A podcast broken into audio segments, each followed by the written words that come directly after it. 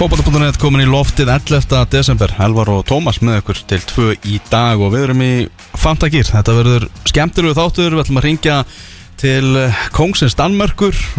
Kongsins Lingby til Kongsins Lyngby. Við ætlum að ringja til ég- Kongsins Vestmann, já Kongsins Vestmanneja Við ætlum að heyra í Freyja Alexander sinni Það komið vetraflið í danska boltanum. Við ætlum að taka púlsinn þar. Við ætlum að heyra í Daniel Geir Moritz seganda IBVF en það er nóg að gera hjá eigamönnum þeir eru að styrkja sig fyrir eh, Íslands deildina á, á komandi ári eru Þó ekki með uh, Hauki Pál. Nei, þú ekki með Hauki Pál. Þú var að spyrja hann kannski meðal annars út í það. En uh, svo er náttúrulega komið fréttir að því núna í vikunni að þeir ætla að skella sér á gerfigras strákanir Það var fréttablaði sem að var að fjalla um það 2023 ætla að vestmanningar Það var að komnir á gerfigras Gerfigras á Hásteinsvöld sem eru nokkuð stóra fréttir Því að Hásteinsvöllur búin að vera bara eitt besti grasvöllur landsins í mörg ár. Mm -hmm. En þeir ætla að henda flóðlýsingu og gera sér klára. Þeir ætla að vera í Íslandsdeildinni næstu árin segja þeir. Þannig að þá þarf aðstæðan að vera, vera til staðar og líka til að bara spila leiki yfir vetratíman í, á eiginni Ekki spurning og ef það er eitthvað sem við vitum að uh, ef að 2023 þá verður Gervigarsvöllur klár í Vestmannegum fyrir fyrsta leik 2023 Þannig virka vestmanningar En nákvæmlega, það er bara, það er bara ringt í þeirra mestu og mætu menn og þeir bara græja þetta. Það er svoleiðis. Svo uh, gestu þáttanins, hann eh, kemur hérna svona um hálftvöletið Það er eh, Emil Pálsson sem ætlar að kíka til okkar. Uh, Verður gaman að sjá hann. Það er alltaf gaman að fá gesti En það verður sérstaklega gaman að sjá hann Já, eiginlega sko jólasaga og jólakraftaverk ásins komin þetta snemma í ár þegar að eh, Emil Pálsson bara fór í gegnum þetta þetta þess að ótrúlega stund þegar hann alltaf bara neyng niður og, og var hérna bara í hjartastoppi og hérna og er svona eftir maður skilst og sér á samfélagsmiðlum og heyrti einhverjum örfáum viðtölum bara braggast vel. Við fáum að vita þess meir um bara hvernig líðan hann sér og hvort hann stefni aftur inn á fótboltavöllin og svo líka skæða þess að ræða við hann bara um, um blessaðan boltan Já, það er þannig Eru blessaði boltinn, það er bara fyrsti byggar farin á loft og það er bósbyggarinn Hvort er þetta end of season trófi, við hefum tekið þessu umræða nokkur sinnum Já. Er þetta síðasti byggar ásins 2021 eða fyrsti byggar ásins 2022? Þú veist, ef við horfum á almanaki og þetta síðasti byggar ásins 2021 Já, En ég meina Þetta er byrjunin á undirbúningi fyrir næsta tímabil Já, já. Þannig að ég hef ekki að segja þetta sé bara fyrsti undirbúningstitill ásins sko. Já. þannig að þetta er í eins og fyrsta drápið í, í sko góðum Quake Lake Þú Já. veist, First Blood.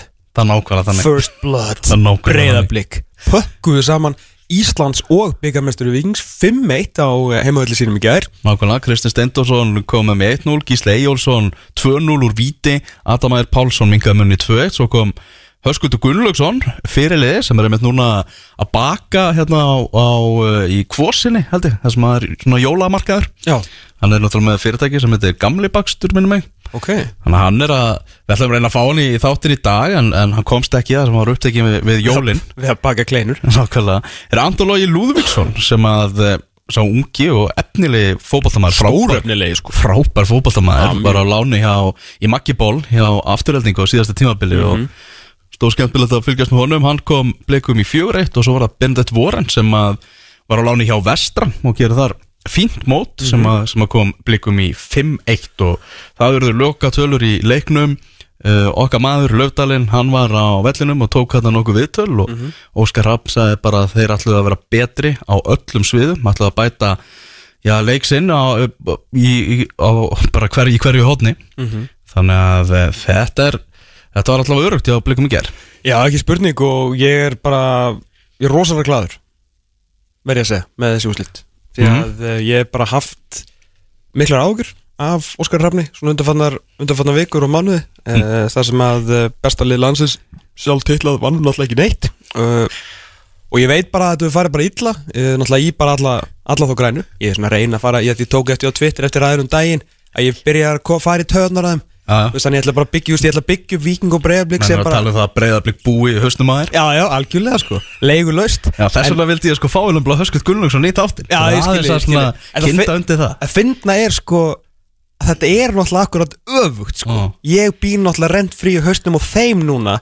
Eftir að skilur við tókum báðar dollunar og þeir sátt eftir með hendur tómar. Ég er svo gaman að þessu þetta er geggja sko. Þetta er þetta er, þú veist, þetta er náttúrulega allt í, allt í góðum bandum. Þetta bleikalið eður þetta frábælega spilandi og hérna Og þessi leikir hafa náttúrulega verið æðislir Bara síðustu, hérna, síðustu missirinn og síðustu árin sko. Þannig að hérna en, en mjög gott bara svona fyrir jólin og bara fyrir restina aðvendinu að hérna að Óskar náði svona aðeins að koma fram með einhverju smá hemd Mhm. en þetta eru auðvitað, auðvitað svakaleg statement og það eru, ég held að þessu fáir einhvern veginn svona ósamála því að þetta verði uh, svona, sjáu kannski fram á svona Liverpool skilur við sísón, ógeðslega nálætt í hérna eitt árið, mm. veist, árið árinu runnu og svo bara unbeatable fattur að þú veist alveg, veist, þetta breyflislið var gott, var gott og frábært Mhm. uh, og voru alltaf að vera betri og þú veist það er ein vítaspilna, það er ein andadráttur Átna Viljánssonar eitt moment af stressi þannig séðskilur fyrir utan alltaf allt sem kerist líka hjá vikingunum sem kannski kemur í veg fyrir að þeir eru ekki meistarar og maður þegar Óskar Rapp segir að þeir að hérna,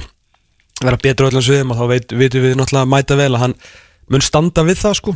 Og þú sást líka að leikmenninir bara að öllu leiti voru farnir að svona, veit ekki, svona fylgja planinu og fylgja handritinu bara betur náttúrulega með hverjum leiknum. Þannig að þetta er svona kemur svo sem óen alltaf hefur maður, maður heyrt að því að æfingar þeirra hafa verið já svona ansi svona hvað var að segja svona á mjög hálefili og svona eftir svo þessi nær sísoni kannski frekar en eitthvað annað svona upp á síkast sko. Já, og ekki verið að horfa mikið í rauðudagana þegar verið að setja æfingarna niður Nei, einmitt, einmitt, Það er þannig, heyrðu, þetta er alveg að berast bref uh, út af strax. gerfigrasumræðinni að Grindavík vonast líka til að setja gerfigras 2023 þannig að Annar frábær völlur annar frábær völlur sem þau þá að fjúka sko.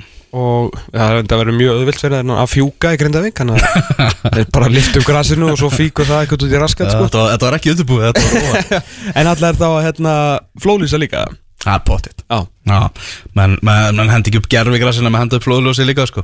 Svo líka, þú veist, vonumast maður til þess að þróunin í flóðljósum haldi bara áfram að vera á flugi sko, þannig að þetta verði ódýrara og minna í sniðum og, og samt kraftmikið sko. já, einmitt, einmitt. Það myndi hjálpa íslenska fótboltanum afskaplega mikið. Já, en nefnilega út þetta í morgunblæðin í dag sem að við sig og Bjarni Helgi skrifa um sem sagt grasvellin alla og maður verður eiginlega bara að segja það sem svona gerfigraskall í dag eða sagt flóðljósakall nummer 1 og 3 Já. og fló, gerfigrasi fylgir flóðljós þú veist það er náttúrulega ekki grasvöllur með lýsing á Íslandi sko nema lögutarsvöllur mm þannig að hérna herru það eru fleiri grasvöllur en gerfigrasvöllur í deildinu næsta ári Já, það er nefnilega ég bara, ég bara fatta þetta ekki og Já, þetta er svolítið mikla sviplu svona í þessu sko. rosalega sveiflur þar sem að fara náttúrulega niður tvö hérna gerfugarslið, háká fylgir og uppkoma uh, tvö graslið Já, hvað- Nei, nei, framarar Nei, þeir eru að fara gerðugars, fyrir ekki, fyrir ekki Ah. ég, ég er alltaf með fast í haustum að þeir að vera á lögatarsvelli í eitt ár, sko Ah. að maður veit ekki hvort að þeir, þetta verði alveg tilbúið frá, sko Það er enda ekki alveg ljóst en það er nú að segja. Já, en þegar eigamenn, hérna, eigamenn alltaf koma upp, sko Þetta eru sjö graslið sem að er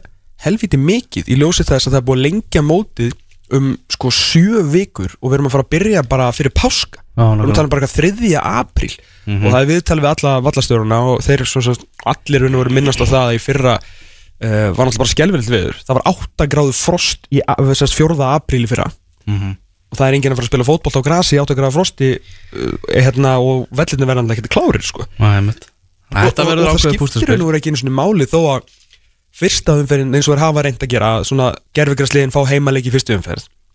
En það er ekkit eitthvað ævintilegt að fara að gerast á grasvöllunum ef það er vondur vetur og vondur apríl frá fjórða til 11. apríl sko. þannig að þetta, ég ætla að vona að þetta verði ekki ómikið svona vorbolti eitthvað. Og það var, vorbragur á fyrstu umferðin og túrnaringar hérna í laugadalunum og eitthvað. Úff Heyrðu, þannig talandi um laugadalinn uh, Laugadals völlur, ásmöndur Einar Daðarsson menta og uh, batnamála ráðherra sem er líka ráðherra íþróttamála, ég var ánægð með Hannes Jónsson hjá KKI, ég er algjörlega þessu. bara þú veist að þú veist að búa, búa til ráð, sko, hvað eru margir ráðherrar? Búa fjölga ráðherrum. Já, og bara að vera að setja miljard í viðbót í, í kostnað á okkur skakriðendur maður er bara stórkostlega mikið ráðherrum með að við erum bara 300.000 manna þjóð, sko Já, þú veist, það er náttúrulega er galið Við ætlum ekki að breyta þessi eitthvað pólitískan þátt En að við skakriðendur sé að borga miljard Fyrir eitt auka ráðuneyti Til þess að halda Jóni Gunnarsinni ánæðum ah. Þú veist, ég, mér var það ekkert um það Hvort að Jón Gunnarsson sé ánæður eða ekki, sko. Bara ekki neitt. Nákvæmlega. Og ég er alls ekki tilbúin að borga fyrir það. Nei. En svo við förum aftur á, á sporið þá er Ásmund Reyna sem er núna já, hefur bara staðið sér fárálega vel sem, sem í, í, í pólitík núna síðustu ár Já, tekið bara börnin sem að eru hans hjartans mál sem að, náttúrulega maður sem átti mjög erfiðan uppvöxt og, hérna, og hefur greint frá því sjálfur í, hérna, í stórmerku viðtali á þessu ári held ég fyrir en síðasta mm.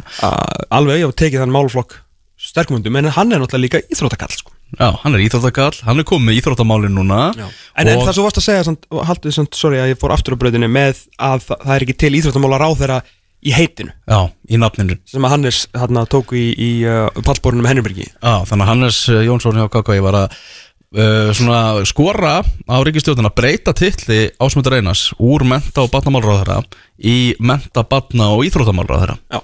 að fá íþróttamálin í titilin því að það bara, segði, eh, bara síndi sig að þessi ríkistjórn væri bara með íþróttinna til hliðar ofan í einhverju skúfu ef að þetta væri bara einhver undirflokkur einhverstaðar Já, af því að þetta er, hvað sagði hann, þetta er næst stærsta er, og eftir skólakjörnum vendilega er, er íþróttindar stærsta, er næst stærsta fyrir ekki svona uppeldis uh, stopnun uh, Íslands sko, mm -hmm. ásamnallega mentadóttinu sem er inn í, inn í þessu ráðnetti og gleymið því ekki að þetta var alltaf menta og íþróttamálar á þeirra, til dæmis þau eins og Þorgjörður Katrín var þetta á sín tíma, þannig að það er búið markvist að taka íþróttamálin út úr titlinum til þess að setja íþróttunar til hliðar. Þannig að þetta er, þetta er ekki gott og Hannes var enda alveg geggjaður þarna. Já, í, í pallborðinu, þar sem að Henry Birgir var á, á vísi að, að ræða við, við Ásmund Einar, Vöndu og, og Hannes. Og uh, Ásmund Einar, hann bara sagði það einfallega að ný höll og nýr leikvangur, nýr lögadalsvöldur væri bara eitt af hans forgangsmálum núna á þessu kjörtímabili. Og hann ætlaði bara já, eiginlega bara lofaði því að núna áður en árið er liðið, bara næstu vikum þá væri hann, væri boltinn eitthvað farin að rúla þannig að margir sem að svona hugsaðu, á, ég er orðin eitthvað bjart sín fyrir þetta, en það er þetta er helviti erfitt, það er eins og við vitum. Nú er bara tími nefnda og eitthvað að funda og allt hannig nú er hann bara liðinn, það löngu búið að teikna alls konar teikningar, hvernig er þetta að byggja nýjan þjóðarleikvang. Og nú er bara spurning hvort að hann muni rísa á, á næstu árum, ég, man, ég, ég var að hugsa um Skandinavíu þjóðarnar sem við erum að bera okkur saman við. Við ímynda við erum að tala um svíjarnir með vinavelli sem er náttúrulega stórkostlegur fótballtavöllur sem var byggður Geggjaður. fyrir, fyrir nokkrum árum síðan. Og margnota, Já. eftir notaður í deild og fyrir landslið. Nákvæmlega. Náttúrulega Tele 2 arína líka sem að tvö ef ekki þrjú, er ekki Hammarby og Djurgardin eru bæðar. Já. og, kvennalandslið og sannskalandslið spilar minnileiki svíjarnir standa ansi vel með leikvanga. Náttúrulega danirnir með sinn parkenvöll sem er náttúrulega bara tekur tíu þúsunda og, Mhm. Og, og bara mjög flottur. Og normennir með, með Úlival völlin sem er náttúrulega Já, sem er bara leikvangur sem er náttúrulega líka með sambyggt hótel við, með vestlanir, skyndibitastaði og, og, og allt það. Mm -hmm. Færingadir, nýbúinir að gera upp sinn þjóðarleikvang, þannig að hann lítur núna ansi vel út á, á gerfigrassi. Já, fengur síðan sko voru sagt við að hérna, þau geti ekki lengur spilað í höllin ykkar eftir tvö ár. Já, Það fóruðu bara að byggja höll já, þau eru búin að ná í einhverja tekningar, fóru eitthvað til Norex eða Danmörkur í maður ekki, náðu í einhverja tekningar af einhverju höll og, Bara fóruðu þetta? Já, bara fyrsta skólbúrstunga var bara tekin í fyrir viku eða eitthvað. Að það er ný höll að koma þar. Uh, Svo er náttúrulega finnarnir sem eru nýbúnir að gera upp olimpíuleikvangin hjá sér í Helsingi Já, ok. Ég fór nú að heimsóti hann, hann var heldur betur batsins tíma uh, eldgamall og með svona trébekki og eitthvað. En þeir tók eitthvað, eitthvað þrjú ár held ég í að, í að gera hann upp og hann er bara orðið núna alveg afskaplega flottur. Þannig að við sitjum algjörlega eftir og uh, Ásmundur Einar ætlar að reyna að keira þetta af stað en þetta er pólitík og það er ekki gert ráð fyrir því í, í fjárlögum að við séum að fara að byggja eitthvað eða einhverjum skriljónum í, í íþrótaleikvanga til miður, það er bara þannig. Og svo náttúrulega eins og segi þá ætla ég efast um það svona sjálfstæðarflokkurinn vilja ekki að svona, þessi þjóðaleikvangur verða þekktur sem einhver framsóknar völlur í framtíðinni að þetta verði menna svona er bara pólitíkin Ég veit, það, ég veit Þú veist, heldur að Bjarni Ben sé bara ákveðt undir þetta bara ásmundur einar bara mun rey, rísa hérna, reisa nýja þjóðarleikvang Íslands sko, Þetta er alveg rétt og það er svona hef ég raun og verið ekki skilið Ah. af hverju maður eins og Bjarni Ben sem er svona mikill íþróttamaður hafi ekki fyrir löngu svona svolítið sett sitt markað á þetta og bara byggt henni völl sko En minna Dagur B. á líka að vera íþrótta maður sko. Á, ég, nei. Sko, ég er með þrjú teikavegi frá þessum pallbóðsum ræðum hann Ok. Byrjum á þessum velli. Mm. Nú er búið að græja það að það verður auðvelt að fara til okkar manns Óla í Kásnesinu á Brasir í Kásnes mm Það sem að það er að koma brú yfir skerjafyrin Ok. Þetta var ekki sérstaklega mikið mál. Þetta var bara sett í útbóð Það sem að eh, verkfræðistofur og arkitektastofur gáttu bara teiknað upp þessa brú. Besta hönnuninn og hagkvæmasta vann Og það verður hægt að labba frá skerjafyrði yfir á Kásnes árið 2025 Ok. Af hverju er ekki bara veist, ég veit að það er búið að fá lagir dyr og okkur að gæði til þess að veist, búa til ykkur tekningar er eitthvað svakalega mikið mál bara að senda lögatarsvöllin jafnvel með samtengta höll svona eins og slófiníu dæmið bara í útbóð, fá tekningar, tilbóð og velja það besta? Þetta verðist ekki vera neitt mál með þessa brú sko. Nei, nei. Og þetta er, hvað kostar hún, þrjá millir Það er lungu búið að gera þessu útættir Það er lungu búið að gera tekníkanar á vellinum og allt. Já, ég bara, þú veist, ég fatt ekki hvað mál er. Eða svona ógeðslega lítið mál að búið til brú yfir, þú veist, heilan fjörð. Mm. er það eitthvað mál að fá okkur tekningar á þessum velli og bara drífi í þessu? Það voru svona dögum sem okkur vantar Jón Rúnar Haldarsson til þess að fara bara sjálfur út með skópluna taka fyrstu skóplustunguna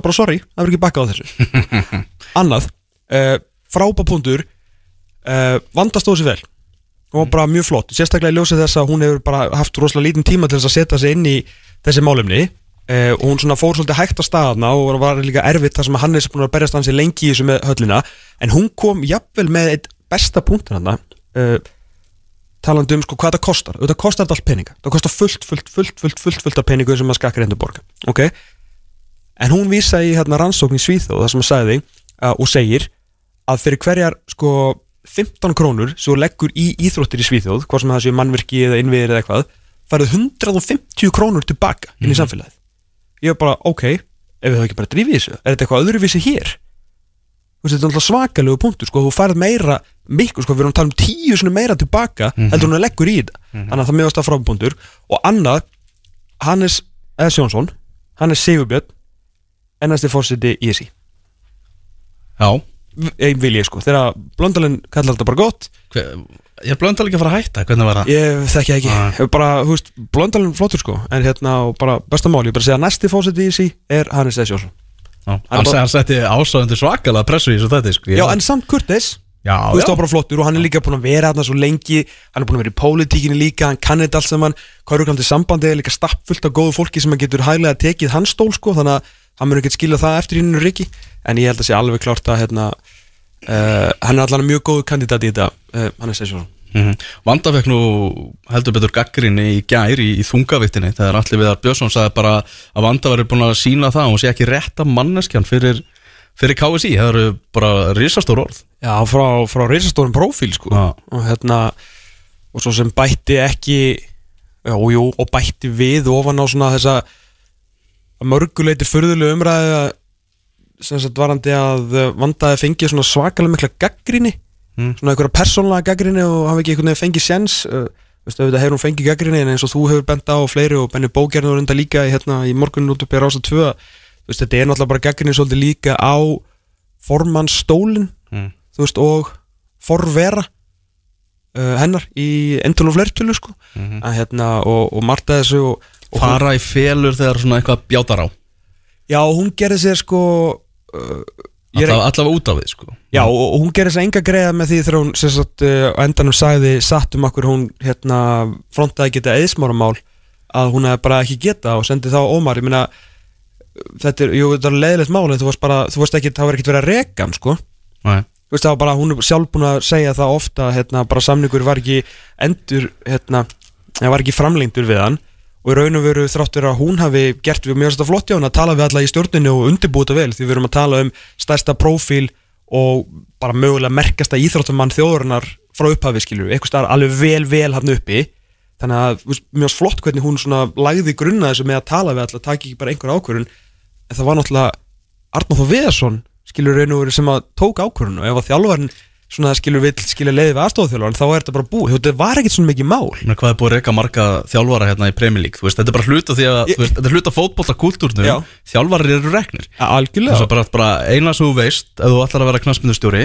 Þú verður rekin Já, það er eina, það er eina sem er örygt í þessu að þú hættir að vera rekin sko. Já, já. þannig að hérna, þetta það fannst mér skríti og, hérna, og þú verður náttúrulega og þetta var ekki nógu, fannst mér tjúft mál til þess að, að svona að, að fronta, fronta ekki. En að því sögðu sko upp á uppálapunktunum finnst mér þetta alls ekki allt ótíma bara orð því að alla við þeirri Já, algjörlega, hún hefur er, hefur valla, og er eiginlega ekki komin út úr skablinum sko, þú veist, meina, hún er valla farin að hugsa um fótbolta sko. nákvæmlega. Hún steig nú stóð skref og vonandi KSI með þessari skýslu vonandi í vikunni Þegar KSI skýslan kom, kom út. Og hún var miklu svona ítalur og miklu ítalur og opinbyrjun heldur en maður bjóst við maður held einhvern veginn, það eru miklu svona hnitmiðar og eru þeirra bara eitthvað svona niðurstaðan það þarf að sitta í ferli og eitthvað. Mhm. en það var einhvern veginn allt byrt og ég er ekkert vissum það allir bara reynilega í skýsluna að vita það að svona þetta myndi allt koma upp á yfirborðið sko. Já, það er allan eitt sem að var nokkuð vissum að það myndi ekki byrta stafur úr þessu. Það var okkar maður Magnús Gilvarsson Hann bjóst nú ekki við að þetta erið ofnbært sko. Já, en það var svona ímislegt í þessu og, og maður lasi þetta yfir margt sem maður hugsaði bara, veist, hvaða er enda á þetta einhvern veginn við almenning og allt það. Eh, kom náttúrulega nýtt mál fram í Svisljósi þar sem leikmaður er, er sakaður um nögun í bíl og það Og ofbeldi.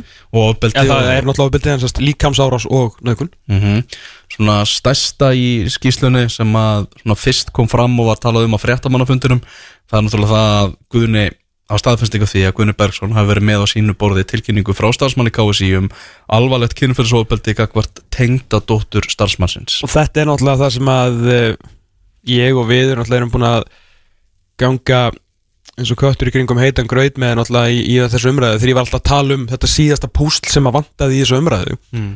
og það var ekki okkar að- koma með þetta fram hérna, þetta var náttúrulega það sem að maður var alltaf að tala um.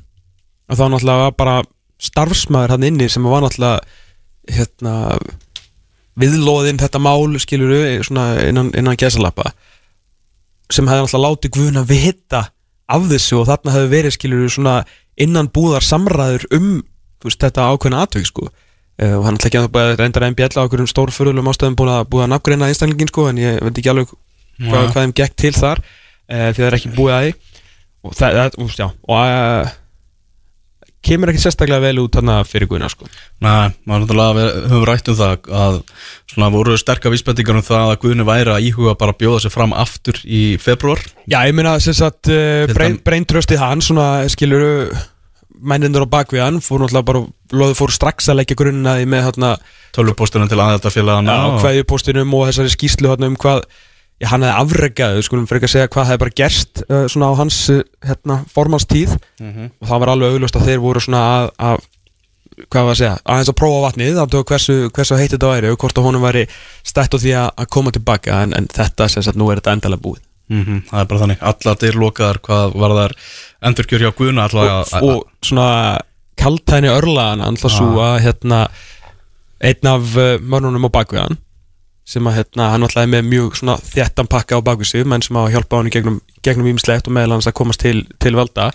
Uh, og það er ekki daðið að vera með þú veist svona brenntröst sko, skilur við ég er með það og þú ert með það og við erum eiginlega í því sjá hvorm öðrum og þú veist erum með, skilur við fleiri maður þú veist gott að vera með gott fólk skilur til þess að svona fara yfir þegar maður allar þú veist er undirbúið eitthvað og þú veist ég er ekki að gaggrina það. Það er bara bestamál en örlaðan er náttúrulega svo að einn af hans helstu mönnum, mönnum er náttúrulega Freyjón Freyjónsson uh, félagi val og hérna, sem er náttúrulega líka alamannatengi, eða var hérna hjá eða er hjá kom Mhm. sem að færa náttúrulega ærlega á baukin í skýslunni sko. þannig að svona hans maður einhvern veginn svona kemur honum í svolítið vondmál allan eins og þetta lítur út í skýslunni sko. Já, niðurstaðan náttúrulega KSI þarf að skoða verkferla og, og hérna skoða möguleika því að taka upp svona eitthvað, eitthvað kynjakvóta í ástingum, ás, á ástingum og, og annað um, Eitt sem að líka áhugavert í þessu er að nefndi kemst, að þeirri niðurstöðu að KSI hamli ekki þáttöku kvenna sem að fjölmjölar hafa kannski ekki gert jafn mikið úr vegna þess að það hefur verið miklu stærri frétt ef að hefur komist að þeirri niðurstöðu að KSI væri að hamla þáttöku kvenna. En það væri bara alls ekki þannig að það væri bara opið fyrir konur hjá KSI en hins vegar er KSI hluti af náttúrulega alþjóðlega fótboltasamfélaginu sem er karlægt og það eru miklu meiri tekjur í kringum kallabolta og allt það og, og stærri saga álengri í kringum, kringum kallaboltan og það svona gera verkum að, að eh, það er ekki fleiri konur svona að taka þátt í þessu kannski en, en KSI hefur vissulega verið að vinna því að fá fleiri konur í svona líka bara störf bak við, bak við tjöldin að fara í stjórnir vera að dæma fótboltaleiki og, og sjálfbúðaliðar og, og allt það sko. Uh, en eins og, eins og ég segi skýrslan er bara svona já, vonandi bara loka kapli á einhverjum leiðindamálum sko. Bara nú er þetta komið og Já, maður sá allan að svona hóparnir allan hún Óluf Tara og, og var ekki Hannabjörg líka allan að þú veist það sem hafa verið uh, í svona framvara sveit uh, þessarar uh, byltingar eða svona, já, ef við notum það orð svona að reyna að hjálpa til að að laga menningur innan fótboltans og hérna, það er hún ekki, ekki ánægð með þetta og notu orðið þess að gaslýsing sem ég bara verða vikina, ég bara veit ekki hvað þýðir. Nei. en allavega það voru mjög ánægð með þetta og, hérna, sagðu ISI og KSI að fokka sér. Uh, og ég bara bara þekki ekki, sko, ég er náttúrulega sem sé, eina sem ég vil bara segja er að náttúrulega það er, þetta er náttúrulega óháð rannsókn nefnd og náttúrulega bara þessi, þessi þrýr einstaklingar sem að uh, sinna þessu óháð ISI og ISI og KSI, þannig að kannski svona veit ekki, ósangjart að einhverju leiti að vera hendur sig á íþjóttasambandi og knarsbundisambandi, sko, hvað, hvað kom út úr þessu. En mér fannst mjög skrítin orðalag sko ekki það mjög skrítið einhvern veginn að tala gegn Gjartan Berg, Bjartan Börgursin sko sem er náttúrulega eitthvað vondekind og, og doktor Hafrúnu sem er náttúrulega ansi svona, ansi fróð og felupplýst og náttúrulega stórmerkur einstaklingur á mörguleiti en mér fannst þetta mjög skrítið orðalag að það væri ekki þöggunamenning innan KSI sérst já, ekki meira heldur en gengur og gerist í samfélaginu. Ég held að það, ég held að það hefur verið sniður að orðalag hvort sem að það væri, þú veist, rétt eða ránt að það væri þá þöggunamenninginu á KSI eins og ríkir veist, í samfélaginu. Þetta var svona soldið til þess að svona fannst mér svona bara að kasta vandamálum til hliðar. Mm. Veist, þá er þöggunamenning, fattur Mhm. og er, ef það er í samfélaginu og það er í KSI jafn mikið, þú veist, er náðu að rekna það og það er jafn mikið þöggun í KSI og samfélaginu. Uh, ég veit ekki hvernig veit ekki hvernig svo formúla er, en, en ok ég, bara, ég tristi þeim. En ég skil alveg, þú veist, svona þá sem bæði þólendur og þá sem að standa á baku þólendur þetta hefur örgulega verið mjög erfið lesning að þarna væri bara allt í keinu því að þetta væri jafn mikil þökunamenning innan KSI og samfélagsins sko. þetta var þetta var furðulegt orðaða sko. Nákvæmlega. Uh, Yfir í annað uh, Milos saði nei við Rosenborg eða Rosenborg saði nei við Milos. Allavega Milos Milojevic fljótur á reytvöllin hérna þessi fyrrum Rosenborgagæði Já, láta vita að Mílós hefði sko alls ekki sagt nei. Nei Það var náttúrulega annar hérna Boto Glimt þjálfarinn Knudsen eitthvað? Ketill. Ketill Knudsen. Hann var náttúrulega búinn að segja nei við Rosenborg. Og það var svolítið búið að gera mikið úr því í norskum fjölmjölum bara hvar er Rosenborg statt þegar þjálfari Boto Glimt segir nei? Þú veist, þetta er þú veist, þjálfarastarf sem allir hafa viljað stökkva á og verið barist um í Noregi. Já, menn hafa skilið sko eftir sín félag í brunarústum til þess að fá tækifærið þarna sko. Já, og s- svo þegar bæta sig hann ofan á fréttir að Milos Milojevic sem að norðmenn vissu nú ekki við svona mikið hver var þegar hann alltaf var mættu til þrámteims í, í viðræður. Nei, og veist, var reikin fór breyðabliki fyrir sex árum sko. Já, þá hann hafður svona sviðið svolítið, svolítið sárt en á hinbóin segir hann þú veist, að Rosenborg hafi komist að því að að hann var ekki með nægilega mikla reynslu ég menna gáttu ekki bara kíkt á transfermart eða þú veist Nei, þeir vildu bara spurja hvað hefur verið að gera svona upp á síkastið Já, betur hvað er þú ekki búin að vera í Premier League eða Já, eitthvað? betur hvað, hefur þú ekki þjálfað í Nóri? Nei, ég meina þeir, þeim leist vel á hann fyrst þið voru að borga flugfart til hans til þrándheim sko. Já, ef að Rosenborg hefur sagt nei þá hefur það verið bara hérna, en ekki Mílos við þá þá hefur það náttúrulega bara verið skiluru út af því hvernig hann ætlar að uh, spila fótbolta með þetta Rosenborgarlið og hvaða plön hann hafði og þeir eru ekki bara náð saman þar. Því að uh, Mílos spilar kannski ekki skemmtilegasta fótbolta heims, þú veist, hann er ansi pragmatískur þjálfari þó hann hafi nú eitthvað svona uppfært sig en, en svona hans fyrsta verkefni er náttúrulega ekki að fá þessi mark sem er enda mjög góð pæling í fótbolta sko. En svona kannski ekki alveg svo stefna sem að Rosenborg uh, hefur viljað taka hann eitthvað stær allt ekki hafi verið bara nokkuð, nokkuð samhljóma en samt sem aður stór merkilegt að Milos Milojevic sem að uh, bara var á keilunum hérna hjá Vikingi fyrir einhverjum sjö árum síðan sko og bara leikmaður fyrir tíu árum fattaru og hérna búin að vera mjög stutt í svona sem atvinnumann af þjálfari hafi bara fengið henn að fund hjá Rosenborg. Og eh, fyrir ekki, það er náttúrulega bara mjög líka stór merkild hans að þjálfa bara eh, og ég er ekki að segja þetta neikvæðni, ég er bara, maður er, þetta, maður er bara ótrúlegt, maður er náttúrulega bara upp með sér að þekkja hann sko, með hvað hann er komið, komist langt á skömmun tíma að vera að þjálfa Hammarby sem er eitt stærsti klúpurinn, allavega svona flottasti klúpurinn út, sérstaklega út af aðdándunum og með þá bara einhverju örugu 15-17 sæti í allsvenskunni er, er alveg magnað sko. -hmm. og náttúrulega var hjá uh, Rauður stjörnunni aðstofaþjálfari sem er náttúrulega alvöru félag Já, algjörlega og náttúrulega hefur vantilega lært mikið þar og, og stækka tengslanetti sitt uh, verulega mikið en þetta með, með hérna, fyndi að ég var að hlusta á hérna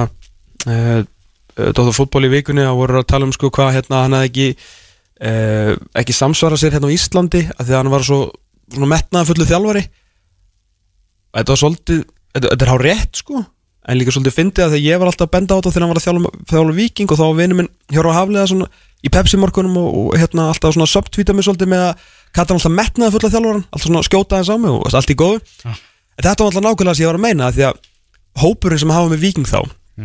og ég er ekki að taka breyflingin það er bara að tala um vikingsliðið þar varstu með fullan hópa leikmennum þar sem að mögulega eitt leikmaður hafði ykkur að drauma og í alvörunni getur til þess að fara út í atvinnumennsku. Annars voru þetta allt eitthvað svona þú veist afgangsatvinnumenn sjálfur eða hérna, erlendi leikmenn minna ég eða einhverju leikmenn röngum megin við 30 eða um 30 eða svona 26 ára sem voru ekkert að fara í neina veist, þeir voru bara hérna til að spila heima og, og bara svona hafa það svolítið kósi en, eins og kannski árangur bara með sér þó að hann er endar stiga með þetta á sínum tíma. En hann var náttúrulega allt annar staðar í hausnum á sér sko. Þannig að þetta gekk ekkit upp oss með þjálfara sem að stef, hann stefnir ennþá á mannsætti sitt sko. hann verður ekki ánaður í eigin skinni fyrir hann þjálfara mannsætti sitt því hann er það metnaðfullur og þetta bara átti engan samhljóm með vikingsliðinu og vantar líka einu svona breyðabliksliðinu á, á þeim tíma af því að hann var jú metnaðfullið þjálfari Já, nákvæmlega, búin að gera afskaplega vel.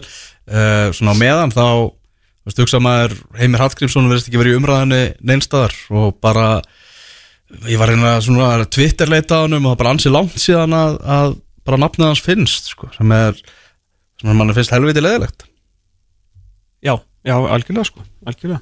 Heyrðu, þið var að fara að ringja til Kongsins eða?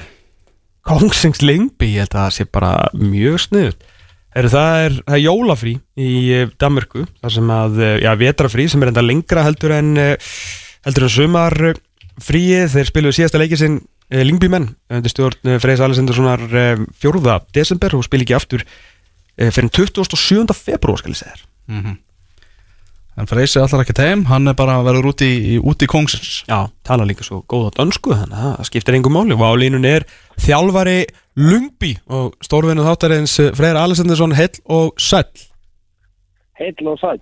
Hvað segja menni í Kongsins Lungby í dag? Bara, bara ljómandi gott. Ljómandi gott. Það ekki? Er það ákveð límeri? Er það út í göngutúr? Já, við erum bara, bara mæta vel í þér sko Þannig að það er allt dælít af þér eða? Hvað það eru? Það er allt bara dælít af þér Ég var að reyna að slá um með dönskunni Já, það vantar smá reym en já, það er alltaf ælitt hérna. Herru, hérna, það er komið eh, hér langa, langa vetrafrí hjá þér uh, Þriða sæti, 36 uh, stig Hvernig svona gerir upp þennan, þennan fyrir hluta hjá þér, eða fyrsta hluta? Það, það er mörg að taka, sko. Já, Um, heilt yfir þá, þá er þetta búið að ganga, ganga rosalega vel. eh, Fram vonum í, í rauninni.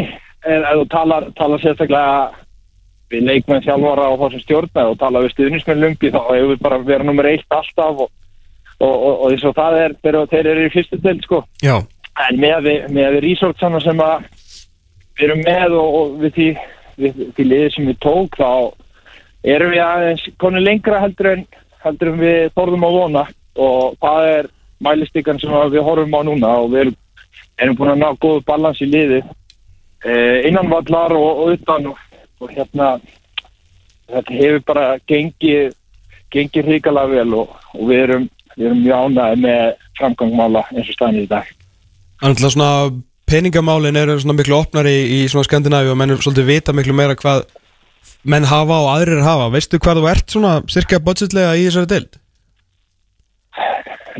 Já, sirka myndi ég eins og segir, þetta er miklu opnar hérna og ég er sjálfur kannski ekki alveg búin að læra að svona meðhöndla það og, og grúska í því en ég eftir að við séum einhver starf milli fjóra og sex varðandi budget. Ok, ok, ok. Þannig að það er svona Í- smá að vinna með. Já, já, já, en við höfum mjög lítið að vinna með sko. Bu- Budgetið er síðan líka við, við notum peningan okkar allt öðru sér heldur en margir aðri klúpar uh, og mér fannst það mjög heitland við erum komin. Ég veit ekki hvort þú þegar vitið það en, en klúpurinn var fyrir fjórum áru síðan gjaldróta Já, ok. Og, og þá kemur inn er það eignarhald sem er núna sem er í rauninu bara stór kreds af stuðnismönnum og, og fyrirvændi leikmönnum Lumbi sem eiga klúpin í dag. Mhm. og þeir eru kannski ekki með með fjármann til þess að keppast um stóru bitana og bjóðu stóru samningana en það sem að mér fannst mjög heitland er að það var ekki einhver fórundna varðandi faglega umgjörð þar, að- að segja í kringum akademíuna og aðaliði varðandi allt sem við höfum í þjálfarateimi og til þess að ná því besta út úr því sem við höfum. Og, og það, það er ekki neinu til sparað en en hins vegar varðandi leikmanna kaup og, og stærð samningar sem við getum bóðið þar eru við þar eru ekki mjög framalega eins og staðin í dag. Nei, ég skilji.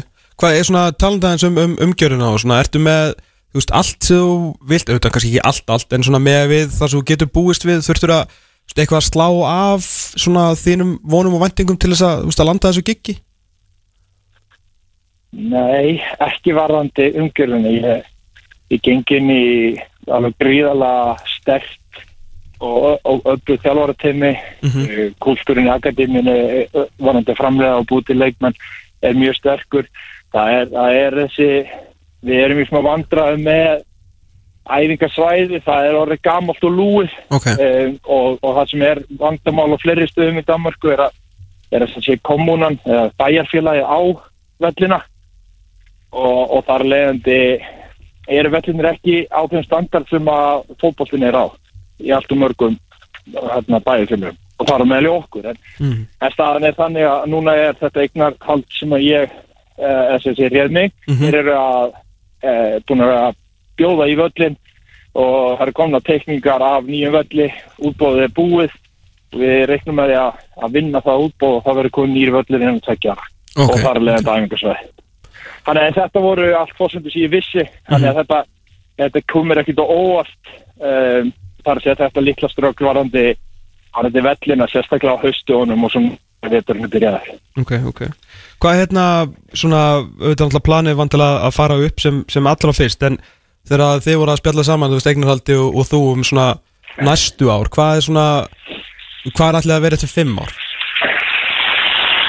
Uh, Fimm ára planið er að vera orðið topp 6 lið í, í Danmarku Já, ok. Uh, en eins og staðan er núna þá, þá erum við sé, með næstu þrjú ár og meðan við erum að byggja þennan öll og, og ná kannski svona fjárhagslegum balans aftur mm er að, vera topp 14 klúpur sem býður það að við erum úrvastildin annarkvært ár myndi ég segja. Mhm. Þa- þar sem að 14 þá ertu nummer 1 að 2 í fyrstild þannig að þannig að við, það er svona það sem er ofinbært núna en það er alls konar undirmarkmið í kringu það og eins og Danir vinna þá er, er einnig mælustykku fyrir fyrir nánast allt í kringu Já. Hver- er svona, svona stærsti munurinn á, á dönsku bjöldildinni og, og hérna Íslandsdildinni okkar? Svona bæði gæðarlega og kannski í umgjörð og umfjöllun? Sko, náttúrulega umfjöldun um íslenska fótbolta er, er gjörsamlega bíluð bara við, Í ég, öllum skilningi þess orðs já, í rauninni öllum skilningi þegar að segja það, en ég minna hversu mikið er fjallað um Íslands, uh, ég segi Pepsi-dildina, mm -hmm. uh, er náttúrulega með fjölda hérna, sem að býra á Íslandi áhugan, þetta er náttúrulega bara eitthvað ruggla sko.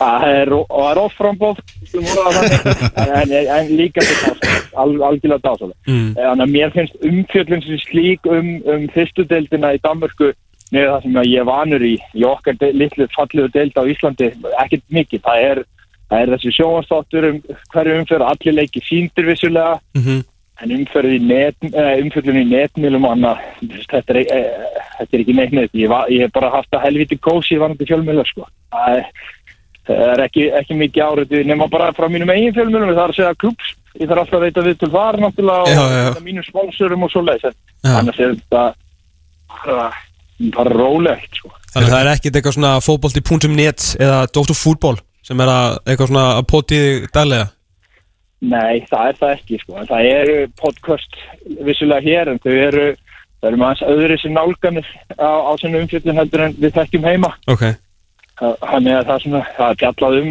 fyrstudeldina þar og svoleiðis en á aðeins öðru sátt mm -hmm. Og það tala um hann að sponsorna þarna, er það rétt skili hjá mér að ég var að skoða heimasörni okkur að, að þú ert bara með þinn persónulega sponsor og, og leikmenninni líka? Já, það eru, það er rétt þér. Það eru allir, allir leikmenn og, og þjálfarar með eitt sponsor uh, sem er sem þannig að engin æfingafatnar er eins, það eru allir með sinn sponsor á bakinu. Uh, Þannig að það, já, það, það er rétt. Uh, það er, mjög og ég verður bara að segja frá því að að ég er búin að læra svo mikið af þessari kommersial deild sem sér um sem sé umgjör á leikdegi og, og sátna tekjum það, að það er náttúrulega bara okkur allt öðru level en ég hef nokkuð tíma kynnt sko mm. En en við leiðum svona hljómar eins og svolítið Svolítið, það er bara mikið hark Já, já, það, það er, þetta er mikið hark, alveg klárlega, en við erum að gera rosalega vel. Já. Það, það, gengur mjög vel. Það, eins og segi, klúburinn var, var að fara í gjaldrót og núna erum við að reyka félagi í plus og, er og flott það er mjög jákvæmt. Mhm. Hver er sponsorinn þinn? Ensure heitir hann. Já. Það er, það er e, tryggingafélag. Nú, já, já, þannig að þú fengið góðan díl Tríður, tríður, tríður fram og tilbaka. Ei, hérna, lið sem eru fyrir ofa í, í, í deildinni, þetta er svona virðist alltaf að vera svona þryggjaðasta kaplöf þó Horsen sé hérna rétt fyrir áttan, þetta er bara mikil spenna í, í þessari deild eh, Eru Helsingur og Viðöfri eitthvað svona, svona punching above their weight eða er, er þetta eitthvað sem var, var búist við það? Eh, Helsingur er, er það sem var búist við. Þeir eru með hrikalega gott lið og, og projekt sem er búið að vera lengi í gangi. Ok, og, og, og eru hérna það, þeir eru klár, eiga klárlega að vera þarna en viðöri er búið að koma óvart Ok. uh, eru, eru með allt öðru sem projekt þeir eru halváttunum mannlið já, ok. Uh, já og eru að maximæsa algjörlega það sem að þeir hafa en það sem er svona aðeins öðru sig við þá ég hef kannski talað um annars að að það er öll, það er mjög mismunandi áherslur í öllum klubunum hérna. Og þeir eru þeir eru með bara halváttunum mannlið og eru að taka fullt af leikmönnum sem að eru kannski orðin 28 pluss eru frábæri leikmenn en eru, eru ekki að fá samninga í til dæmis Lumbi, Helsingur og fleiri stöðum. Mm. uh, en fá samning þar. Tobias Thompson til dæmis sem var í Valur Káar er, er að spila þar. Ok, uh, strá, strákur sem var að spila í ítölsku bjöldildinni og þetta eru frábæri leikmenn. En eru komnir á, eins og Daninni kalla á komnir á aldur.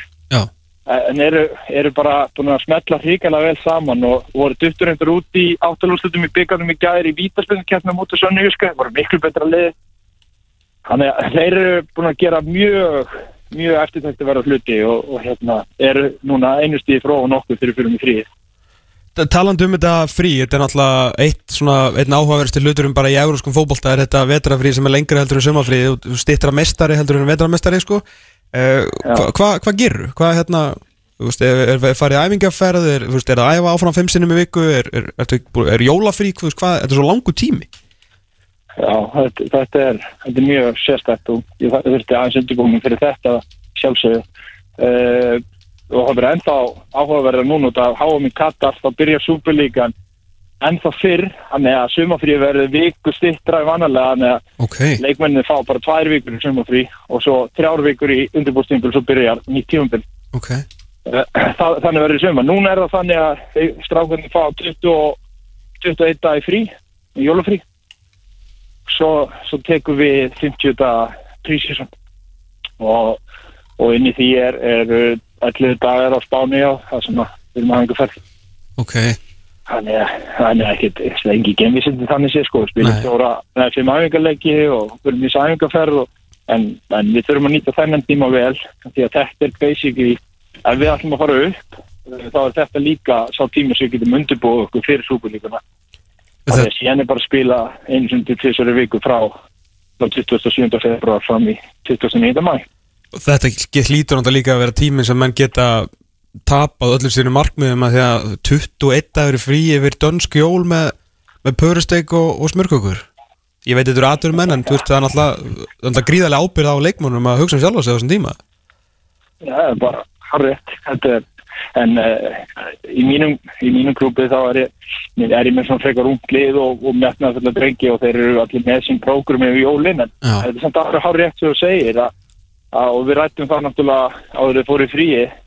Nú sjáum við úr hverju þau gerir hvernig mm komið þeir tilbaka Einmitt. en það er líka mikilvægt að ég, ég sem hérna, leiðtögi uh, hérna, þjálfari þeirra gefið þeim sigurum til þess að þeir þurfa að fá frí. Þeir þurfa líka að kvíla hausum Þannig ég get verið að senda þeim WhatsApp skilabóð hérna annarkvært dag, þeir eru ekki alveg öruglega að borða að spína. Og og hlaupa. emmitt En þeir, þeir verða að fá að kvíla sig líka til þess að ég geti sér hann ítt, íttum áfram í, í janúarmanni. Já, já, treystum bara á strákanir í víðöfri sem eru svona komnir á setni skipin. Þeir verði bara duglegir í, í stekinni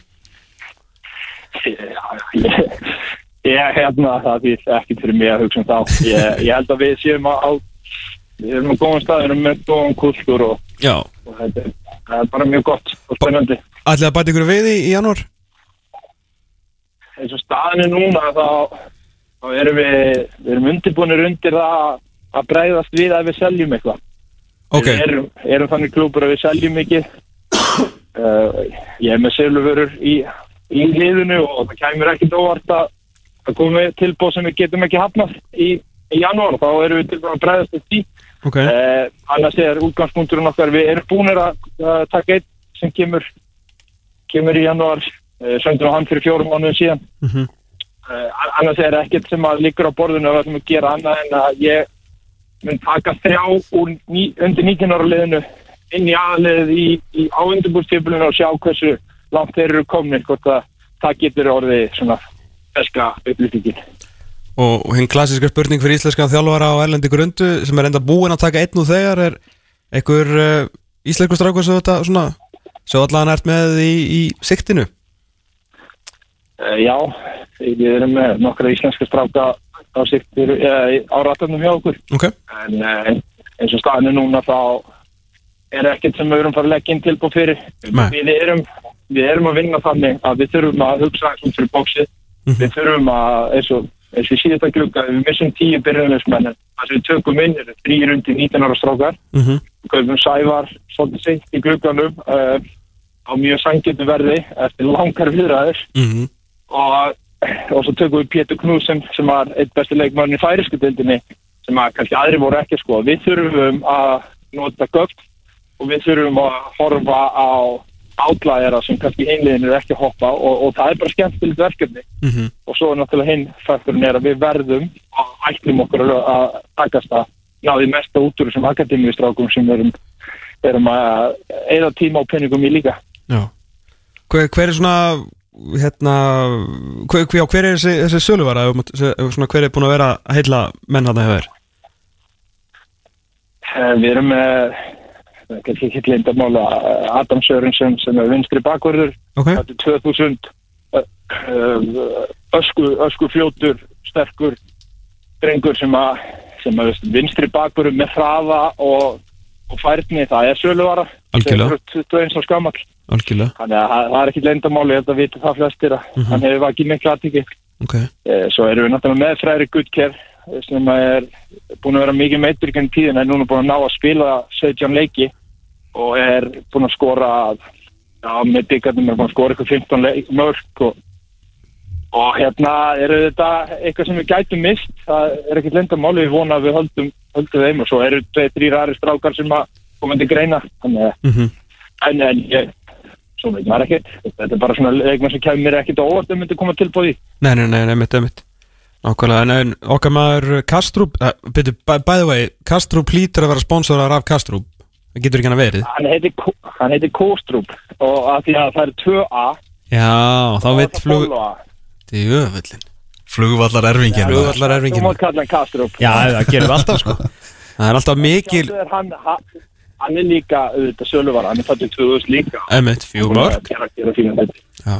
Já, fimm mörg og fimm stóðsendingar mm Hérna, eitt svona rétt út fyrir uh, Danmörku að því ég fæ ekki að tala við mennskaboltan lengur meðan að verða hérna dandalastatinn Danmörku.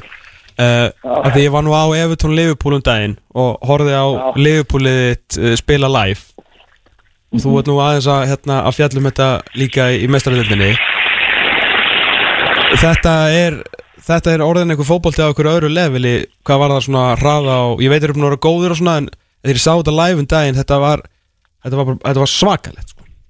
já ég, ég hef sömu tilfinningu þú. Ég eh, sástu Arsenal-leikin Já, En það var eitthvað orkustig sem að ég hef bara ekki séð áður sko. Og reynda buðu Arsenal upp í dansinn.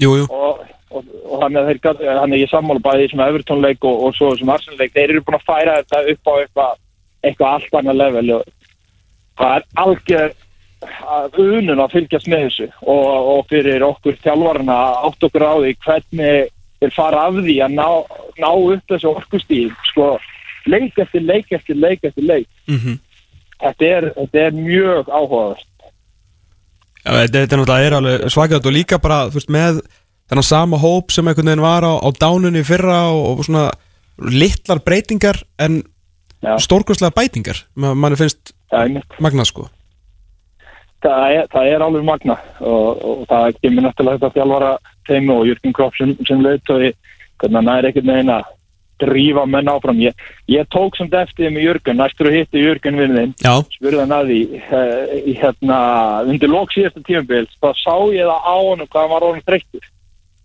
Það fór ekkert á milli máli. Ég held að hann hafi verið að telja niður og komast í frí sko. Já, var, hann talaði eitthvað um að fréttur í tímabili hann hefði verið bara basically komin í burnout sko, hann var bara að að býða til þetta að vera búið sko, en samt unnur allar leiki.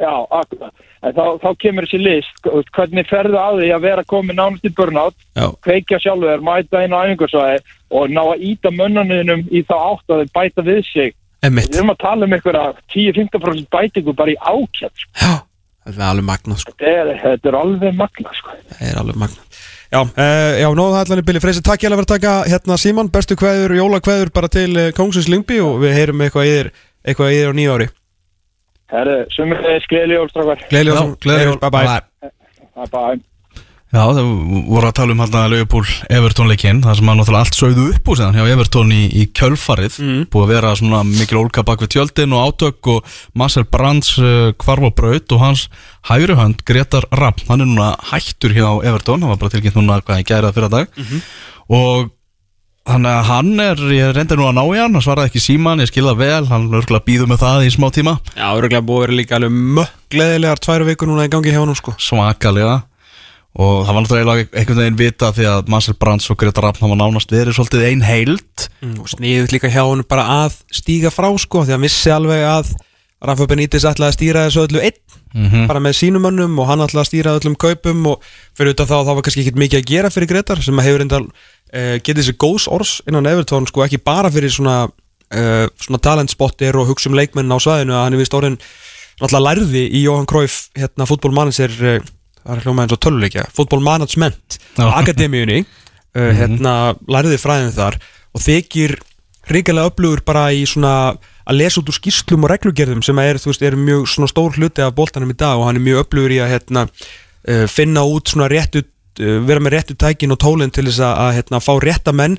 Að þú fær sko ákveðna styrki tilbaka ef þú notar veist, ákveðu unga enska leikmenn í akademíunu skilu og ert með svona þessi mál á hreinu -hmm. að, og hann er mjög upplugur í þessu sko fyrir utan það sem hann er náttúrulega þess að Chief European Scout sko. Já, hann er búin að vera náttúrulega, já, hann er náttúrulega fyrst ráðin í þá stöðu hjá Everton og svo fær hann svona ákveðna stöðuhækkun og er þá yfir maður leikmannakaupa og, og framþróun leikmanna og allt það. Emitt og náttúrulega hjá Fleetwood var hann svona yfir maður fótboltamála og ég tók hann nú í podcast við Já, mjög skemmtilegt. Já, það sem hann talaði með, þú veist, hann var að hugsa um skilur bara námið hjá leikmönnum og allt annað, hvernig var að standa sig í skólanum, hvað var að gerast utanvallar hjá þeim og, Það bara að hann var að þjálfa liðið, hann sá bara um allt. Já, nákvæmlega, þannig að, Þar einmitt var hann, gerði hann geðvika hluti í að hérna, ég kaupa leikmenn því að flýta út þetta engan penning og hann var sko að taka það úr sko lík tú, nei, me- þú veist, bara hérna einhverja akademíu stráka og bara utandilega og svo var hann að selja þá bara í championship sko. mm þannig að hann hefur á skömmu tíma auðvast alveg svakalega mikla reynslu í þessu, Já. það er alveg bóttið mál held ég að, menn hann er bara að skapa sér sambönd víða, þannig að ég held að það sé alveg klárt mál að hann sé að fara að fá einhver tilbóð á næstu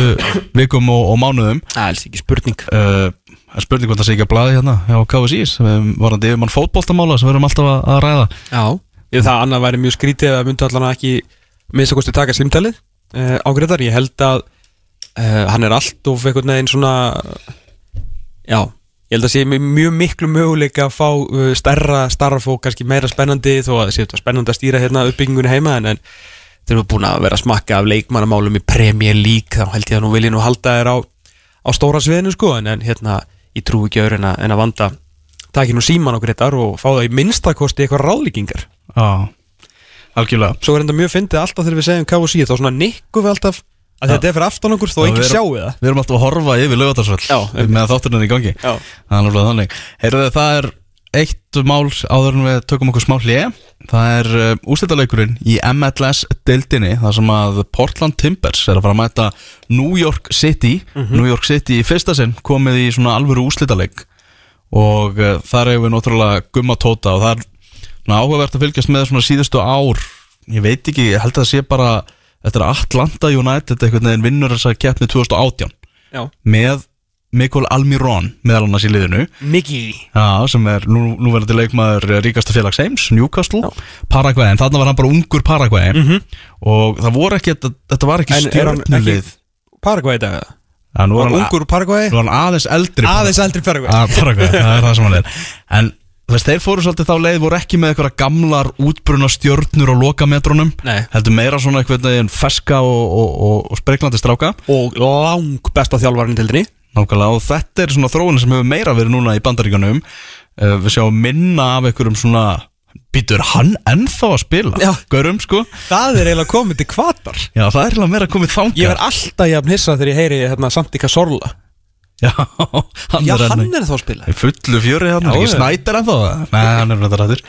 En það er hann Þannig að svona nú er náttúrulega New York komið með svona óþekktasta leikmannahópsinn bara frá því að félagi var stopnað það er bara, maður þekkir engin ánast manni í liðinu, en við þekkjum nú einn vel Gumma Tóta, Já. sem að er ekki sáttur við sitt hlutverk undir stjórn norðmannsins Ronny Deila sem að meðal hans þjálfaði Glasgow Celtic á sínum tíma Og náttúrulega stýrði ungu strömskottsliði til mjög flott Norregsmestartitils með eitt Martin Udugo mm. Gummi Tóta sagði þarna í þungaviktinni núna í upphafi viku að hann væri já bara telti sig verið of sókna sinnaðan fyrir Ronny Deila væri búin að standa sig vel þegar hann spilaði en samt sem áður þá fær hann ekkert stærra hlutverk í, í liðinu og var ekki sáttur við, við normannin og högst fara ég set aðeins smá spurningamarki við tímasetningun á því sem að Gummi Tóta er að segja þetta uh, innan við viku fyrir úrslitaleg um bandaríska meistaratítilin Eftir að hann kom inn á eftir klukkutíma leik og lagði upp segumarkið Já, ég held að Ronny Deila heimurinn er það lítill og menn eru svo góður í Google Translate og við þekkjum nú bara kollega okkar víða um heim. Ég held að mm Ronny Deila veit alveg af þessu viðtali sem að Gummi Tóta var í sko.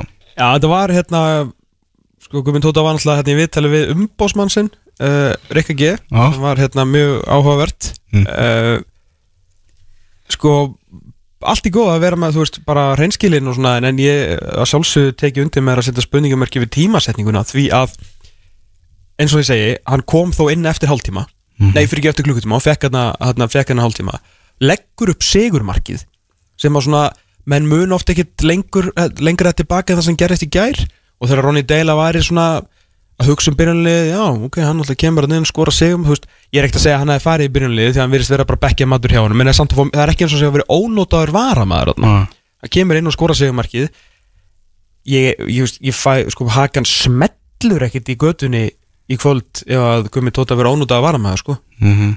og það er þá tengt, annarkvöld Er þetta ekki annarkvöld? ég held í kvöld Er í kvöld? Að hérna, desember, jú, 11. desember Ok. er í kvöld á uh, ABC, verður það sem er með það að, hérna, Sem kipti sér áskrift. kefti sér áskölda ABC þannig að ég hérna, veit að vona að hann bara fái réttmætt tækifæri í þessu leik hvað sem það sé í byrjunleginu að koma inn á bekknum. Og ég vona svo sannarlega að Ronny, Ronny Deila fær ekki að hefnunum ef hann hefur heyrtið það sem að ég náttúrulega 100% hafi gert. En eh, maður svona það var einn leikur eftir þú veist, segði þetta bara á mándaginn næsta Já. skilur, ekki, ekki þennan mándag Mhm. En tókst þetta því að Gaurar hann að þessi, ekki braslíum að þessi skoraði sigumarkið einhver, einhver táningur hann Hann var ekkert að þakka Gumma reitt mikið fyrir. Gummi bara bjóði þetta mark til fyrir hann lagði það upp á silfurfati. Hann skorar, snýr sér að Gumma og ég svona, held, ég bara með þetta ekki hann að huga myndi bara faðma Gumma og þakka honum kærlega fyrir þessa huggulegu stóðsendingu því að hann hefði ekkert skorað þetta sigumark og verið hetjan ef að Gummi hefði ekki stólið boltanum á hinum bakverunum kirtin og tegin og lægt þetta upp. Hann átti náttúrulega 80% af þessu marki. Já, það er enda sendingir hann yfir á fín líka. Hann, í staði fyrir að hann svona, hann horfir á Gumma og svo bara nei, ég ætla ekki að þakka þér neitt. Tekur 180 gráðu snúning og hleypur í burt og tókstu því að það var engin Guðmundur Þóraðinsson nálægt fögnuðinum sko. Og ég skil Gumma tóta bara mæta vel að ekki vera að elta en að roka gekkarn út af hlilinu og taka þátt í ykkur fagnarlátum þegar hann gæti ekki svona sínt honum þá virðingu að gefa honum sko, hann gaf honum mikið bein. Er alveg Svo rétt. tjekkaði ég á hérna, Insta Instagram hjá honum. Uh, Alltaf að fara ekki um hvort það var eitthvað svona "Hey, Great pass my friend, eitthvað gummi tóta eitthvað. Herru, hann var búinn að rí Hvað heitir þetta? Rí, rí gramma Eitthvað, þú veist, skilur það sem aðrir Þú veist, mennsjónaðar skilur og getur svona postuð your story? Mhm. Nei, Endurvarpa endurvarpa Ég held að hann hafi endurvarpað 8 miljón Instagram-vesla Ég hef aldrei séð barinn svona lítinn. Skilur, það var svona lit, svona 100 litli kassar. Sá var ánaði með sig. En ekki ein þökk á mannin sem að bjóta til fyrir Illa gert í þessu brasa. Já. Það er þannig. Það finnst það marg. Já, heldur betur. Herðu vel sem að taka okkur smáli ef við skuldum vist eitthvað af, af auglýsingum. Já, þetta skjótaði að það er 0-0 í hátæðisleiknum í anska bóltanum eftir 39 mínútna leik Manchester City. Toppliðið á móti Úlfonum Eh, Leikurinn valla farið fram samt í setna áleik. Það er alltaf einhverjir að fá höfuðhögg og eitthvað Þannig að það er nóg að gera hjá sjúkra þjálfarunum Það er bara þannig. En Vestmann er Við erum í, komin í samband við Vestmanna Eyjar þar sem eh, eigandi IPVF, Daniel Gir Moritz er á línunni, sætla blessaður Daniel Já, góðan að blessa hann daginn. Hvað segja menn í eigum í dag? Það er bara mjög gott. Það ekki? Ég, ég var með jólahlaðborðið í höll í gær og aftur í kvöld og það var svakastuð, sko. Hvað mörg smitt eftir jólaborðið? Það er allir búin að fara í test og það er ekkert vesen, sko. Nei, neina, neina með Það getur veist nefn, það eru, það eru gleði tíðindi Heyrðu þið eru að Við búa erum reyndar búin að fá okkar svona, skell nokkru sinnum með það hérna í eigum, en ég vona við sem búum með þetta. byggalasta leikurinn í handbólta eftir minni lögur til að mynda Eyjamenn alltaf eru Coca-Cola-byggarnum. Coca-Cola Ekki ekki uh, hérna, Eyjamenn alltaf eru mjög alúleitt fólk sko, og eru alltaf snertast mjög mikið ef þau eru ekki að faðmast þá eru í slag þannig að það er mjög auðvelt fyrir það að fá COVID sko, að smita. Já, og bara sagt ekki það. Hanna, Já, ég- Já, bara heilbreyði slagsmál bara, bara svona ei, utan bæja slagsmál það er alltaf góð, Já, já. bara eitt kom morinn nákvæmlega.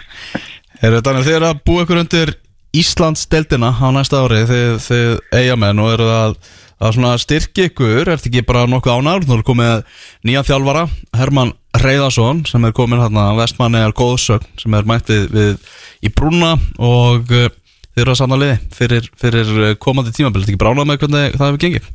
Jú, mjög og við svona heyrðum í nokkrum kostum með, eftir að Helgi hvar á braut og, og ég held að það sé engin í heiminin sem hafi viljað þetta meira heldur en Herman Já, og þegar við fórum síðan í viðræður og hann fór yfir með okkur hvað hann langaði að gera þá samrýndist það svona það sem okkur langaði að gera þannig að þetta voru frekar auðvendar viðræður og bara útrúlega gama hann er búin að kaupa sér hús hérna bara í þarnæstu götu við mig þannig að það er bara gaman að því að fá hann heim og þá var náttúrulega komið að því að reyna að styrkja liðið og það hefur náttúrulega verið svona þessi e, þjóðsaga að það er erfitt að fá Íslandíka til að koma til Vestmanni ég hef ekki fundið fyrir því síðan að ég kom inn í þetta allavega.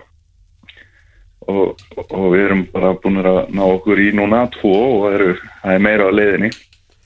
Mhm, Já, þeir eru konum með tvo, þeir eru konum með Alex Frey Hilmarsson frá KR sem að er náttúrulega bara þekkt nafni í deildinu og svo Haldur Jón Sigurður Þórðarsson hjá Vikingi sem að og keiftur, Já, átti met upp að með upp að til, til Vikinga met upp var fyrir mann með sko þrjúnöp Já, hann láti náttúrulega Já, setja alveg klárlega, en Alex Ferri er náttúrulega líka keiftum frá K.R. hann hérna átti eitt ára eftir að samningi. Já, ok, ok, ok.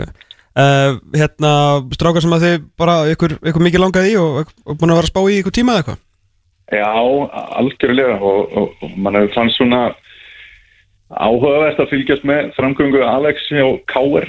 hann náttúrulega kom þarna inn og fór með heiminskautum kannski alveg fyrst í K.R. eftir að hafa átt 2-3 frábær tímabil í víkinni Mhm. og lendi svo í þessum meðslum og, og, og, og var síðan settur í lengjudeildina í sumar og síndi þar náttúrulega í þeim leiki sem hann spilaði hann átti alls ekki erindi þangað þannig að ég held að hann komi líka bara með marga hann kemur með marga leiki á tanknum inn í þetta hjá okkur og er á svona aldrinu sem okkur kannski vantar líka inn í hópin með reynslu og annað. Þannig að hann smell passar í allt og er að flytja henga bara með fjölskylduna sína líka og, og, og, og ætla að gera alveg úr að þeir eru þau ekki að herja meira á leikmenn sem eru svona í svona fiskifræðunum? Að það er eiginlega ekki sko bæjarfélag á landinu sem getur bóðið að uppluga vinnu og þið þegar því er tengt sko, svona í nýsköpun Það áru er nefnilega mjög fyndið þegar ég ringdi í, í Alex og hérna þá var ég svona, já, við, já, IBF við erum svona spennt fyrir að fá þig og eitthvað og hann alveg, já, við vorum með mitt að spá ég að flytja út á land fjölskyldan, við erum svona spennt fyrir því. Ok, hvað erstu læriður? Já, ég er sjávarútisfræðingur, ok. Ég heldur ekki að þeim fundið þannig að það var það small mjög vel og, og, og hérna, ég var gríðarlega ánæður með það og, og svo er með Haldur Jóna, hann kemur náttúrulega sem svona vælkart inn í þetta, hann hefur ekki fengið svona stóra breyki kannski, þannig að það er hans að grípa það hjá okkur. Já, fann allavega 100% framlag þar. Ah, ekki spurning, ekki spurning. Og ef það er eitthvað sem fólki á hólnum elskar þá er það alveg framlag þannig. Það verður ekki, ekki svikið um, um hlaupatölur hjá Haldur Jóni þó hann reyki boltan einn dreima sinnum aftur fyrir endamur sko það verður mjög, ég er mjög spenntur að sjá hvernig hann passar inn í þetta hérna hjá okkur því að hann er náttúrulega ekkit eðlilega áraðin eins og við vitum og, og svona þarf kannski stundum að leika á hann tvísvart til að fara fram hjá hann líka þannig Algjörlega En að hvenær mætið staðfessviðin á, á Andra Rúna Bjarnason? Já, ég get allavega ekki staðfest í þessu samtali að þá eftir að skrifa undir einn pappir úti þegar dannin getur verið erfir, ég get ekki staðfest það núna. Aja, okay. En hvenar staðfess við á, á Haugpál? Nú er hann að detta inn Já, það er náttúrulega eh, talað um eitt og annað í, í, í þessu og það er nú svona enda meira að tala þegar við erum aftur komnir í stærsta partíi. En ég hef aldrei á æfi minni talað við haugpál. Þannig að þær fréttir eða þetta var einhvern veginn alveg úr mjög, mjög, bara já, lausu lofti gripið sko. En fannst þetta ekki góð hugmynd þegar þú herðir þetta og hringdi þá í hann? Það hefði vel að vera betra sko Sko haugupall er náttúrulega uh, haugupall sko en, en hérna ég held að við séum mm, bara komnir í toppmál með okkar miðjur. Já, það er reynda vel settið þar Já, heldur við þér. Er það komið, fréttablaði var að tala um það í vikunni að það á núna að fara að henda upp gerfigrasi á Hásteinsvöld. Hvernig er bara svona hljóði í samfélaginu að, að þið ætlið að henda ykkur á, á gerfigras og stefnið að vera komin þangað á 2023? Um, það er bara mjög skipta skoðanir á því Já. og, og margir á því sem að, og einmitt líka meðlega með knaspunir á það var verið svona á því að það var einhvers það er hægt að halda út í góðum grasvelli á landinu þá er það í Vestmanniðum. mm -hmm. Þannig að þetta er svona ekki frá okkur komið að, að sækjast eftir því að það verði gerfigras hérna. Um, en svo getur maður líka hort í það að það er náttúrulega verið að lengja mótið Mm og líkurnar á því að hástinsvöldur sé tilbúin í það sem bara venjulegu grasvöldur eru miklar en það er ekki 100% þannig að þetta getur bara verið, verið spennandi en, en hún er fann svona pínu skrítið að og svo sem enn fókbaltans voru ekkert hafið með í ráðum í þessu Nei, ég skil lík. Uh, en, þetta mun gera verkum að fótbolta.net mótið, það mun geta farið fram hana í vestmanniðu meðal annars. Já, það sem okkur fannst vera svona helsta keppikefli og líka horfa til yngri flokkana, það var að klára bara að stækka húsi og þá hefur við náðu einhvern veginn að búa til þessa heilsásaðstöðu sem að vantar hérna. Og ekki eða í pening sem að þarf ekki að eða í eins og hennan uh, gerfi græsvöld við hástegin en, en svo hérna það verður örgulega mjög flott er þetta verður allt saman komið og það er planið að þetta verði 2023 þá verði leikið þarna þannig að, þannig að það verður bara gaman að sjá hvað kemur út úr því. Mm -hmm. Þannig að eitt sem ég veldi líka aðeins ræða við þig, þú varst í, í nefnd hjá, hjá KSI sem var að skila núna niðurstuðu á, dögunum varðandi, mikið búið að tala um þetta breyta fyrirkomulag í Íslandsdeildinni. Uh, þeir voru að skoða hvernig var að breyta uh, fyrirkomulaginu í lengjudeildinni. Og niðurstað var svo að þið mældu með uh, því að það er sett fram úrslitakeppni í lengjudeildinni. Þannig að það er bara eitt lið sem að fer beint upp og svo er það fjögur næstulið þar og eftir sem að fara síðan í svona útsláttarkeppni eins og við þekkjum bara í eh, Championship-deldinni ennsku með Já. það að komast upp í, í efstu deld Já. Eh, Persónulega þá fannst mér mjög gaman að vera í svona hópi og fara yfir þetta. Eh, eh, náttúrulega mitt lið, fjárðabögg hefur náttúrulega oft verið í þessari deild og maður fylgst mikið með henni og nú við síðustu tvö ár verið í henni. Þannig að maður svona algjörlega kynst í bara hvað þessi deild hefur upp og bjóða og hvernig hún er og eh, mann fannst í fyrra þegar það voru búin að vera þessi COVID-stopp og svo var leikið öras í deildinni að það hafði bara með sér mjög marga kosti. Það kom bara svona taktur í mótafyrirkomulagið það var bara svona stutt í næsta leik og svona tempo í þessu, við reynda gátum ekki neitt en það er unnus að og þannig að maður sá svona hvað dagartali hefur upp á að bjóða sem að ég lit vita að mér langaði að starfa í þessum hópi og, og fara svona með ákveðnar hugmyndir inn í hann. Og það kom mér síðan á óvart þegar við byrjum að tala saman og, og heyra í fórsvarsmunum félagana að viljen fyrir því að fjölga leikjum var að var lítill. Ok.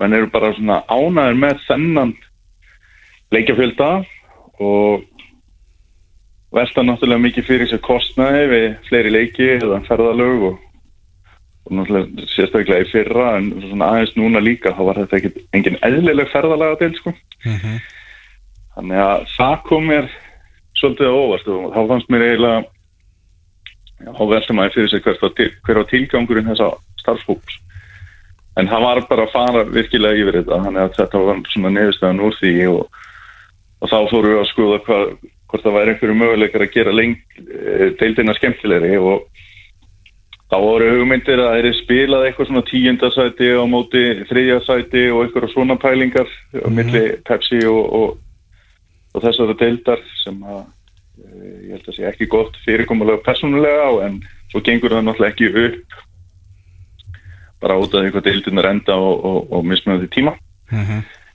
Um, varðandi að fjölga í 14 lið sem að mér fannst físilegast þegar ég kom hana að þá er það bara gríðarlega erfitt fyrir KSI að, ráða við það og kannski liðin líka.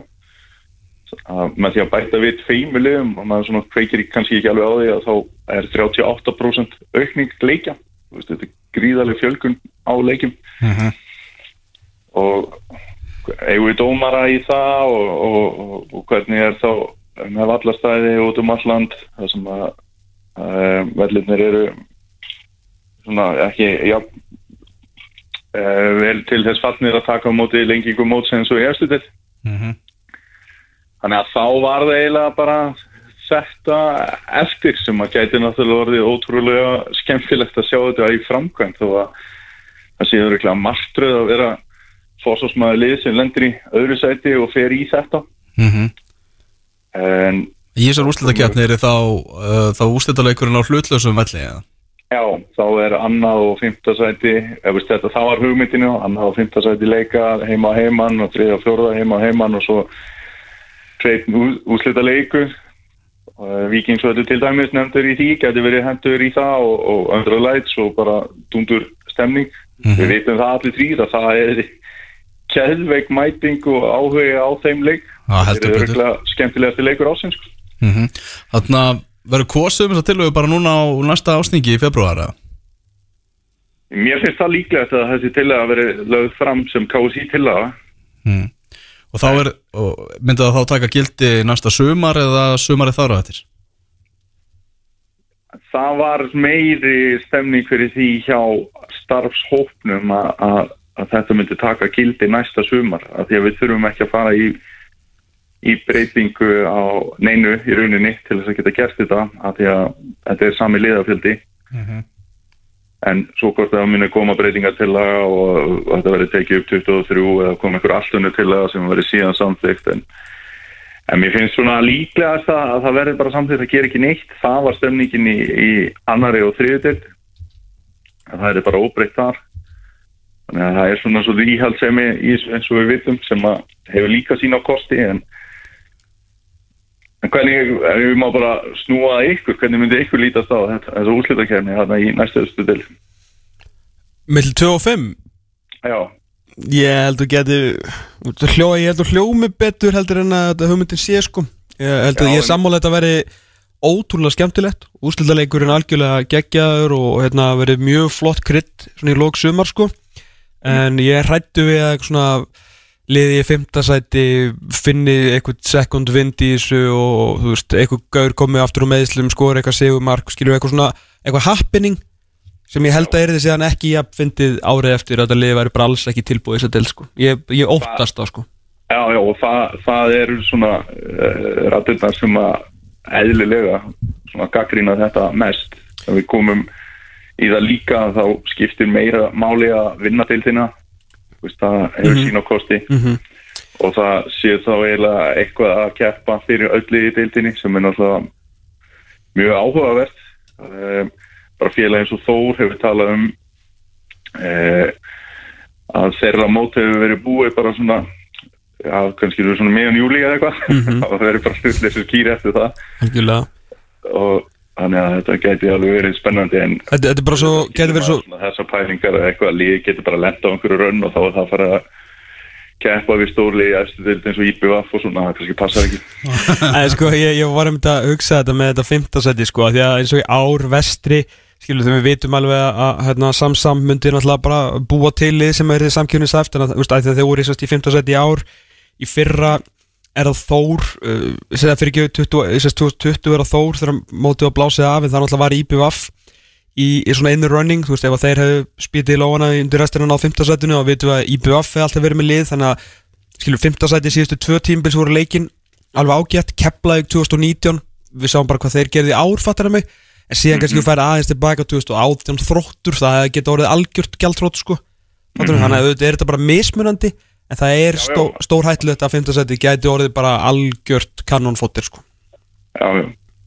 Svo eh, það er náttúrulega svona pælingar sem kom á móti, veist, mun lið sem að lendir í fimmtasæti en kemst áfram í gegnum svona umspil sína það að það geti þá stríkt liðum í þessari deild eða gert eitthvað þannig, veist, ræður það við flóknar leiki, Já. þetta er náttúrulega bara fabuleringar, við erum bara með kristalkúluna að skoða og Algjörlega. En aftur á móti, eins og með þetta, nýja fyrirkomulegið í, í Íslandspilinu að mm. þá er þetta hvað sem að þú veist, hægt væri að taka til prófunar í tvö ár skilur einmitt, Þetta er eitthvað sem má síðan bara slaufa ef að það vonda gerist sko. Já, við höfum að vera alveg óhrættari við það að prófa bara nýja hluti Ef við að getum félögin- hvað sem er bakkað sko. ja, Hluti sem er þetta að bakka með er allt í lagi að prófa Við erum alveg, þú veist, við erum að fara í nýja deild, nýja tíma þú veist, nýtt útlit, nýja pælingar og þú veist, af hverju ekki að, að prófa, þú veist nýtt mótu fyrirkomla, þannig ég set mig ekkert upp á móti þessu en, en svona, hérna, ég var alveg og væri í raun og var alveg til að sjá þetta en kannski, en svona, ég hef ágjur ef að, ef, hérna, að lið sem eru ekki nógu góð til að ná efstu tveimu sætunum í B-deild síðan að fara upp, sko.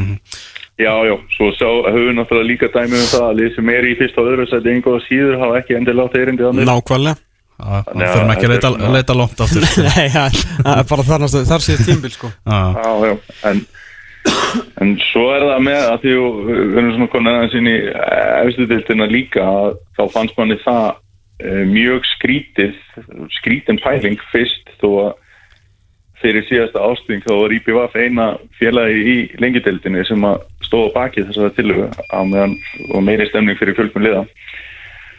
Og núna er maður einhvern veginn bara ótrúlega spenntur fyrir því að sjá þetta verða að veruleika mann finnst þetta einhvern veginn koma bara meira heim og saman bara með hverju vikunni sem líður og blandast náttúrulega í bara spennu fyrir því að Ísland múti fara aftur á stað en, en ég held að þetta getur orðið dundur system sko. Já, en eins og segir, menna, þú veist, og ef ekki þú veist, ef þetta er ræðilegt, þá bara bara bökkum við, fattur en ég meina, þetta verður mjög áhugavert að áhugavert að sjá þetta og svona sérstaklega sem sagt sjá hvernig það sem að við höfum áhugir af, hvernig það verður, sko. Því ég hef engar, þú veist, ég hef engar áhugir af, hérna, þú veist, þessum efstu leikjum og þessum fallbaróttu, skilju, en svona hvernig þetta verður undir lokin með liðin sem eru þú veist, þannig í áttund, þess að fram að tvískipdeldinni með þessi lið sem eru í fjórða og áttunda sæti þú veist, fara menn bara þú veist, svona, bara kvíla sig fyrir þá, þú veist, úsluðakefnina eða þú veist, fattur við, bara svona að það já. ímstir svona áhyggjupunktar og ég hlakka til að sjá hvernig svona unni verður svona úr þeim, sko, ekkert eitthvað, ekkert smeyku við það, en ég er svona hlakka til, svolítið til að sjá svona neikvæðina mhm, þá er algjörlega. náttúrulega mjög gott sem er náttúrulega ólíkt uh, úrslitað kemmisfyrirkomulaginu sem á stungið upp á í lengideildinni að þarna taka liðin stíin með sér. Emitt, Þið eru ekki refsað fyrir neitt, í, sko. í tvöföldu umferðinni er náttúrulega svakalega mikið þá til. Ég var- var svona að reyna að koma að að þetta hefur verið kallað úrslita keppni sem að er ekki þú veist að við þurfum eiginlega að fara að kalla þetta umferð eða þriðju umferð eða eitthvað sem að lýsir þessu meira. Já, tvískipteld tvískiptild til mitt. Já. Herru, við tökum þessa umræðu. Náttúrulega þegar nær dregur síðan ástingi aftur. Það er alveg, alveg klárt mál. En Daniel, bara gaman að heyri þér og bestu kveðjur, jólakveðjur til, til vestmanni Já, það getið fengið hérna, óskala jólalag í lokin. Já, þú farið jólalag. Það er Þorparinn með Pálma Gunnars. Nei, þú farið það ekki. Heyri þetta Daniel. Já, takk fyrir. Herru, Emil Pálsson er komin í hús, við erum með honum eftir smástund. Þú ert að hlusta á fótbolti.net á exinu 977 Já, síðast í hálftímiðin eða um það bil eftir að vútastættunum fótbolti.net og hingaði komin gestur þáttarins og það er engin annar en fótboltamæðurinn Emil Pálsson sem að hingað er mættur, velkomin Emil. Takk fyrir það. Heyrðu bara eins og, já þú orðaði það sjálfur þú varst dáinn í, í fjórar mínútur á, á þessu ári, fórst náttúrulega í hjartastopp eins og allir hlustendur vita í þessum, þessum leik hérna hjá, hjá Sogdal í, hvað, þetta er rúmur mánuður síðan eða ekki? Jú, sé rúmlega á fyrsta nóvumber Mm Komur einhverjar 5-6 vikur. Á, hvernig, hvernig hefur svona tíminn verið síðan þetta, þetta var? Þú lítur nú bara bísna vel út. Já, það er eiginlega það sem að flesti segja við mig þegar þeir heita mig. Þeir, svona, þeir, þeir búast við að ég líti mikið mun verð út heldur en ég líti út í raunverulega sko, þannig að það er jákvæmt, ég er á, er á bara mjög góðum stað sko, og þetta voru fyrstu, fyrstu tvær vikuna kannski langa erfiðast þegar þú ert að sjúkrásinu og ert að ert svona nýkomin út af sjúkrásinu og átt að hvað er að gerast og, og allt það. En núna, þú veist, síðustu tvær, þrjár vikur eru búin að vera svona mjög mikil stígandi og ég byrjar að æfa bara fyrir sjálfur í ræktina. Það er bara að halda mér á ákveðnum púls og en getur henni gert allt sem ég vil í ræktinni finnur neðan þennan púls. Þannig að það er úst, mjög ákvæmt að geta og það er lett bara fyrir úst, geðhilsuna að geta farið aðeins í, í ræktina og hrift sér aðeins sko. Hvernig eru hérna fyrstu, veist, eins og að vera á sjúkrahúsi eftir, eftir svona, af því að þú veist, það var náttúrulega ekki, þú lendir ekki í slisi fattaru og þú veist, ert ekki veikur, ben, ég menna, þú veist, finnur eitthvað fyrir þessu, Nei, þeir, eru, þeir, þeir eru bara að vakta þig já, já, já, úst, ég er náttúrulega bara í úst, mér var aldrei ill Nei, ef- ef orðum sem er þetta ógeðslega sko. skrítið með Já. ef þú dóst sko. Af því að ég er náttúrulega úst, þetta er rauninni bara blackout hjá mér sko. Einmitt, ég man, man ekkert sko. ég Ok. bara úst, við spilum, þetta var að 12 mínúti leik leiknum og úst, við skorum eftir 7 mínútur og ég man eftir, ég man allt fram að því, man þegar við vorum að fagna markinu og, Ok. og svo þegar að miðjan er tekin aftur eftir marki þá fyrir við beint upp í einhver svona press við man það en svo eru svona 5 mínútur sem að voru í smá blörri og svo næsta sem ég man er að ég vakna bara sólarring sinna Sólar hring senna Já, mér er þess að haldið svoandi eftir að, Já, já, eftir að já. þeir endurlega eftir nýmga mig þá var mér haldið svoandi sem er í rauninni svona, það er, er smá svona standard að Einmitt. þú ert svæfður til að fá að róa og líka maður róa hjarta því að yfirleitt þegar fólk vaknar eftir hjartastuð þá verður þeir svona órólegur og þá fyrir hjarta kannski á að pumpa hratt aftur og það er kannski að versta sem við getur gæst eftir að það er nýbúið að stoppa sko. þannig að það er bara fengið róa á þig og og svo vaknaði ég úr þeirri svæfingu bara setni partin á þriðdeginum sko. Þannig að þú þarft til að færa ammálistæðin fram með þetta Það vant, þið vantar það dag. komið nýra ammálstæð Það vantar nýja fyrsti nóvember að byrja, byrjaði lífið aftur lífið með tvö. Eh, Hérna, já, já það væri alveg, sko, þær frettir sem mann er fannað, sem maður viss veit ekkit um þetta, sko, maður bara er ekki nógu fróður um þetta, það sem að fyrir utan frettirnar að nýjinn yfir voru nógu slæmar, sko, en svo þegar frettirnar komum að því verið haldið sofandi, þá held, held ég að allir hafa bara haldið að þetta væri búið, sko. já, já, ég er nefnilega ást svona mitt impression að því þegar ég var að tala við fólk eftir á er náttúrulega bara það veist, það var svo mikil óvissa í gangi Já, einmitt. að því að fólk veit ekki veist, en þetta þegar þú heyrir veist, honum er haldið svoandi þá hugsaður alltaf ok, það er eitthvað aðskil það Einmitt. er eitthvað alvarlegt að veist, er hann að fara að vakna eða ef hann vakna er hann að fara að vera öðruvísi skilur Mhm, eða verður mhm. einhver heilaskaði að því að það er náttúrulega stór eða mikil hætta á heilaskaða ef að þú lendir í hjartstopp og ert úti í langan tíma sko. en ég var var svo heppin að vera á fótleldinu maður sagt að það er einn af bestu stöðunum til að lendi í hjartastoppi. Þannig séð allra árætta þannig að því að þú ert með bara þú veist, þú ert með sjúkarbílkláran og sjúkarflutningafólk sem er að horfa leikinn þú ert með sjúkarþálara að lækna og það er allir í innan við 100 metrar fjarlæð frá þér þegar þú lendir í þessu og það er náttúrulega bara besta sem við getur gestur og lendir í hjartstopp að þú þarft að fá meðhendli mjög hratt Mhm. til að reyna að koma í veg fyrir einhvers konar skada eða náttúrulega bara á degir sko. Einmitt. Mhm. Þú ætla, sagðir ekki ykkur viðtalið og ætlaði svona að horfa á aftur á, á leikin í vídjói, svona aðeins til aðtöða hvort þú væri að ja, akta eitthvað Jú, öðruvísi heldur þú varst vanur. Ertu, ertu búin að gera það? Já, ég gerði það um, Þetta var náttúrulega bara 12 mínútur þannig ég tók bara 12 mínútur þar sem ég bara fylgdi sjálfu mér bara stanslist í 12 mínútur og mm. þá fekk ég bara upptöku frá liðinu þar sem að veist, þeir nota bara fyrir Já, þá einmitt. ég bara með veist, ekki svo að sýttakan þannig að ég get bara horta með allan tíman og það er í rauninni ekkert ekki einn sekunda sem að eitthvað bendur til þess að sé eitthvað að mm. og ég er meira að segja með boltan og sendi langa sendingu og svo tek ég bara tvö þrjú skrif eftir sendinguna og þá detti niður en veist, sendingin leit út bara fyrir að vera eðlileg sending, bara með full power og allt sko. þannig að þetta gerist bara á tveim sekundum næstu því sko.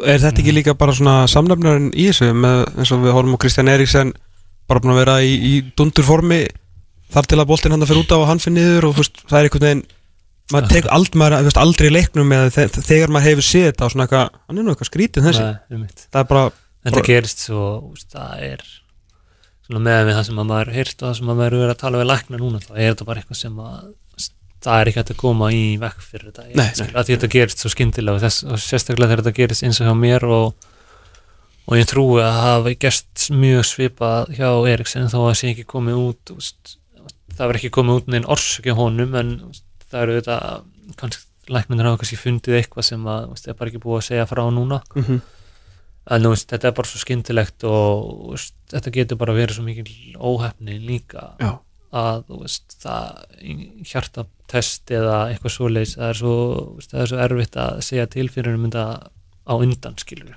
ég meina hann er náttúrulega búin að spila hæsta leveli í mm 10 pluss ár þar sem Já. þeir fara í öll test sem þú getur mögulega farið í þú veist, þegar þú ert leikmaður sem ert virði 40 minna pinda skilur þá er Mm það var testað allt sem það er hægt að testa skilur til mm. -hmm. sért heill og, ef, að, ef að það er gert í honum en hann lendi samt í þessu þá náttúrulega held ég að sé rosalega er þetta komið í veg fyrir þetta sko. Var, var búið að skima þig, er, voru þið sest, í Noregi svona eitthvað hjartaskimun eða já, já, það er bara protokól í norsku tildinu ok. okay. liðin fá ekki leifin nema og farir gegnum svona E- E- EKG test heitir þetta, bara svona hjartalínur í það Já, sem hefur verið að skoða hvort sem með óreglunan hjartslátt eða eitthvað svoleiðis Já.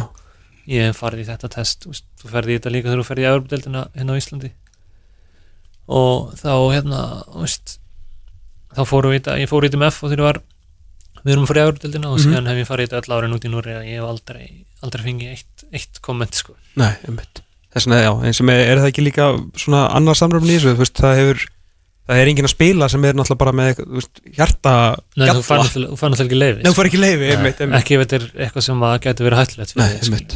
Mhm. Þú veist, við hefum alveg lent í hjá að, að vera með liðsfélag sem að þú veist, það hafa ekki verið tekna alveg út bara þurfum að hætta skilur en ég Já. með liðsfélag sem að veist, ok, þú getur ekki spila fyrstu tvo leikina að það þarf að gera fleiri rannsóknir á hjart, hjartanýðir skilur og svo er það gert og svo fær hann kannski grænljós tveim, þrjum vikum setna skilur Einmitt. þannig að þetta er alveg það er alveg verið að skoða þetta vel sko. Mhm.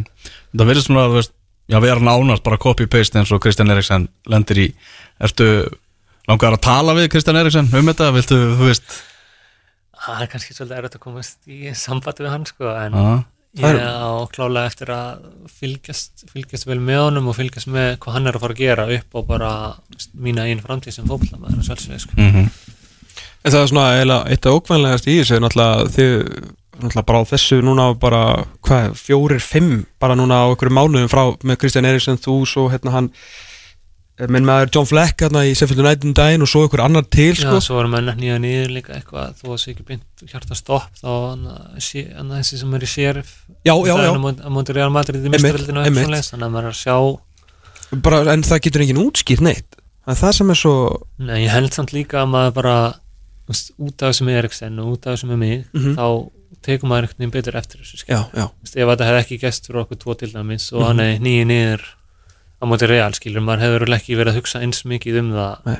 út af því að nú er maður svona meira meðvitaður um allt þetta skilur og, og alls konar líka samsverkenningar sem er í gangi kringum kringum bólusetningar þegar kemur að þessu sko. já, já, já það meinar. Þarna er, er eitthvað fólk búið að hafa samband við þig? Eitthvað svona samsæðiskenninga fólk með varandi bólusendinga það er bara inboxið er fyllt sko, á alls konar Sko við við bara séð það á fótbolta.net sko, það er bara, við erum alltaf að fá okkur að posta frá, Já, ok. frá, frá samsæðiskenningum Ég er bara með allstaðar á, á Twitter og á, veist, náttúrulega Twitter og Instagram mest sko, því að Já. það er svona aðgengulegustu miðlandir já, en það er rosa mikið að, Íslendingar er ekki rosalega mikið að pæla í sig en það er meira útlendingar sko, sem er að senda á mig bara að spyrja mig hvaða bólefni hafa ég fengið og veist, hvort ég væri búin að heyra eitthvað frá læknunum að þetta væri því að kenna og, og, og, þetta, var, þetta er meira svona sko, útlíka sem er rættur um sig sjálfa þeir eru bara, ég er svo rættur getur þú sagt mér það, sko.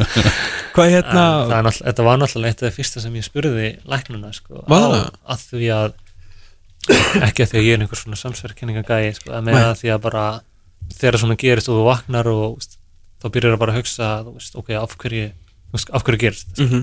hvað hvað var ég að gera öðruvísi eða veist, er eitthvað sem að ég gerði eða borðaði eða veist, borðaði, ég veit ekki hvað þú ætlar að borða til að einmitt það var hvort þú gerðir eitthvað öðruvísi skilur til að þú færir í sem gæti að vera orsökin að þessu og þá náttúrulega bara þegar maður fer í gegnum hausina þessu þá er eina sem að maður gæti hugsað þessi ástæðan er þetta bólefni skilur en það var útiloka strax á spítalunum sko.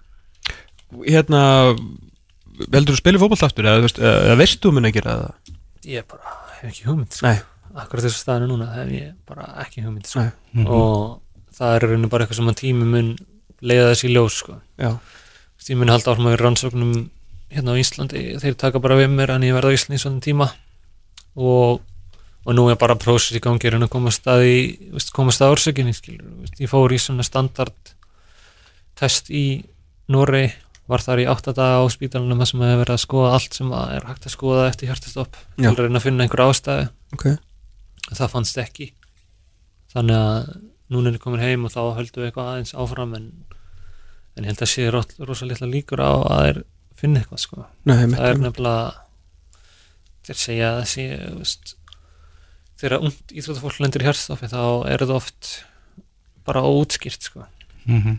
Þarna uh, grætur bjargráður í, í þig rétt eins og, eins og Kristján Eriksson og þá fylgdu náttúrulega fréttir með að hann má ekki spila á Ítalju, Kristján Eriksson með, með bjargráð, veistu ykkur hvernig, hvernig eru reglunar, eru fleiri deildir með svona reglu eða mm, ekki, já, veist, ég bara hef ekki kannað Nei. ekki alveg svo staðinu núna sko. en ég hef líka tala já, veist, ég talaði við læknana á, í Núri til dæmis og þeir voru veist, ég veit ekki alveg hvernig með með Eriksson og Ítali ég hef búin að eins og maður hefur séð allar þessar fréttir um að hann megi ekki spila að því hann er með bjargráð mm -hmm. en svo hef ég líka heyrt að veist, hann megi ekki spila að því hann er með óútskýrð hjartavandamál ah, að þeir fundi ekki út úr í af hverju hann fór í hjartastopp mm þá var hann ekki með veist, einhvern skilgriðan hjartakalla eða eitthvað sem var hægt að meðhendla -hmm. og þá einhvern veginn fær hann ekki leifi út frá því til að spila frekar en að að því hann er með bjargræðan í sér má hann ekki spila. Mm því að bjargræðan er náttúrulega hann er náttúrulega alltaf að fara bjargunum skilur. Þannig að hann er inn í örugur sko.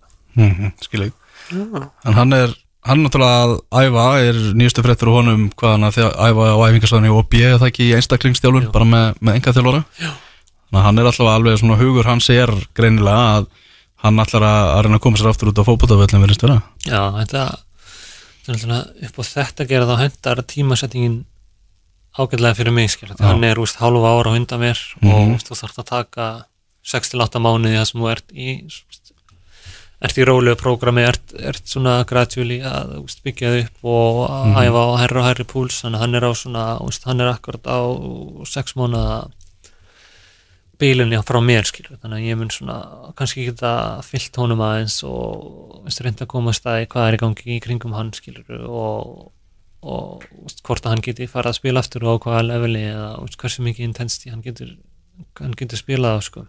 En það er náttúrulega bara ef þú fær grænt þá getur þú bara spila eins og þú vilt sko. en þetta er spurningin síðan hvort að þú sért sjálfur tilbúin í að gera það sko. mm -hmm. akkurat Og hvað náttúrulega, já, treystið er í þegar þú farin á stað Já, og bara svona hvað hugurinn treystið sér í og vandanum skilu, bara vandalega verður skref fyrir þig að fá að hækka púlsinn þegar það því kemur Já, já, akkurat sko en eins og ég, eins og staðin núna á mér er ég einhvern veginn þú veist, mér líður ekki svo að ég er hrættur nei. Að því að, veist, og þegar ég er að æfa allir minnst þessu núna þá þá er meira erfitt fyrir mig að halda púlsunum niðri heldur en ekki að, þú veist, þú ok. ekki að fara með hann upp skilur, að því að mann, þú veist, maður byrjar að æfa og þá verður maður bara, þú veist, kemst maður í eitthvað són og þá vill maður bara æfa eins og maður er alltaf að gera skilur mm -hmm. þannig að ég er svona meira að reyna að halda aftur á mér heldur en að þú veist, þú er ekki að fara upp í háan púls sko. Já, en svo er þetta líka bara að með þú veist, þú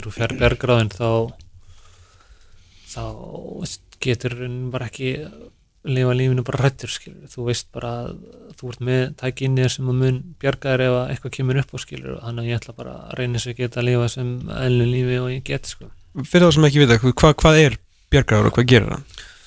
þetta er rauninni bara inngróið hjartastíðtæki Ok. þannig að þeir þeir opna bara bringun á mér og, og setja lítið tæki í og frá þessu tæki eru síðan leiðslur sem fara í gegnum æðar og sem er leiða niður í hjarta Mhm. og frá þessum leiðslum og þessu tæki þá getur tæki gefið mér sér stuð ef að, veist, það skinjar ef ég lendi öður í hjartastuðtæki þá skinjar tæki að nei, hjartastoppi þá skinjar tæki að ok, hjartaslæri ekki lengur, við þurfum að gefa honum stuð og þá gefur það mér bara stuð innan frá skilur Magna. Þannig að það Ja, verður ótrúlega eh, ótrúlegt, sko. Þannig að það verður uh, mikilvæg veistlega þegar að fara á flugvelli eh, svona það sem eftir liður Já, þetta verður eitthvað veist það er komið með eitthvað svona kort það sem að maður maður ekki fara í gegnum No, it's inside me Já. Inside, oh, gangi ég vel á flugveldur í Manchester leðilegast að auðvitað ekki allar tíma sko. Já, ég ætla líka að að fara til bandaríkjana núna í desember Já, já, Það bara- verður alveg vesinn þegar ég var þar sko.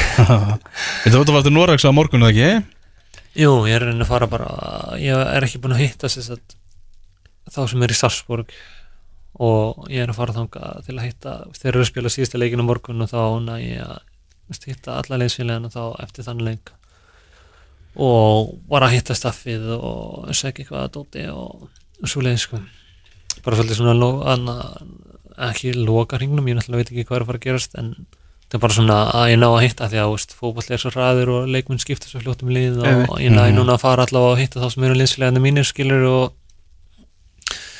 að því að veist, þetta var náttúrulega mikið sjokk bæði fyrir, fyrir bæði liðsfélagina í Sarsborg og Sogdal skilur þannig að ég held að sýninga bara gott að maður getur farið og, og hitta og svona að allir fara sína leið sko. Ertu með samning við Sarpborg áfram með Já, það? ég er með samning í tvö ári við Tvö orðið viðbútt, ok, ok Þannig að þeir náttúrulega vilja vantala og verða náttúrulega virða hann skilur þannig að Já, það er alveg já, með já, það hjálpaði mér gríðarlega vel gríðarlega mikið að, Já. veist, ég sé ekki bara samvinslu núna um áramótin sko.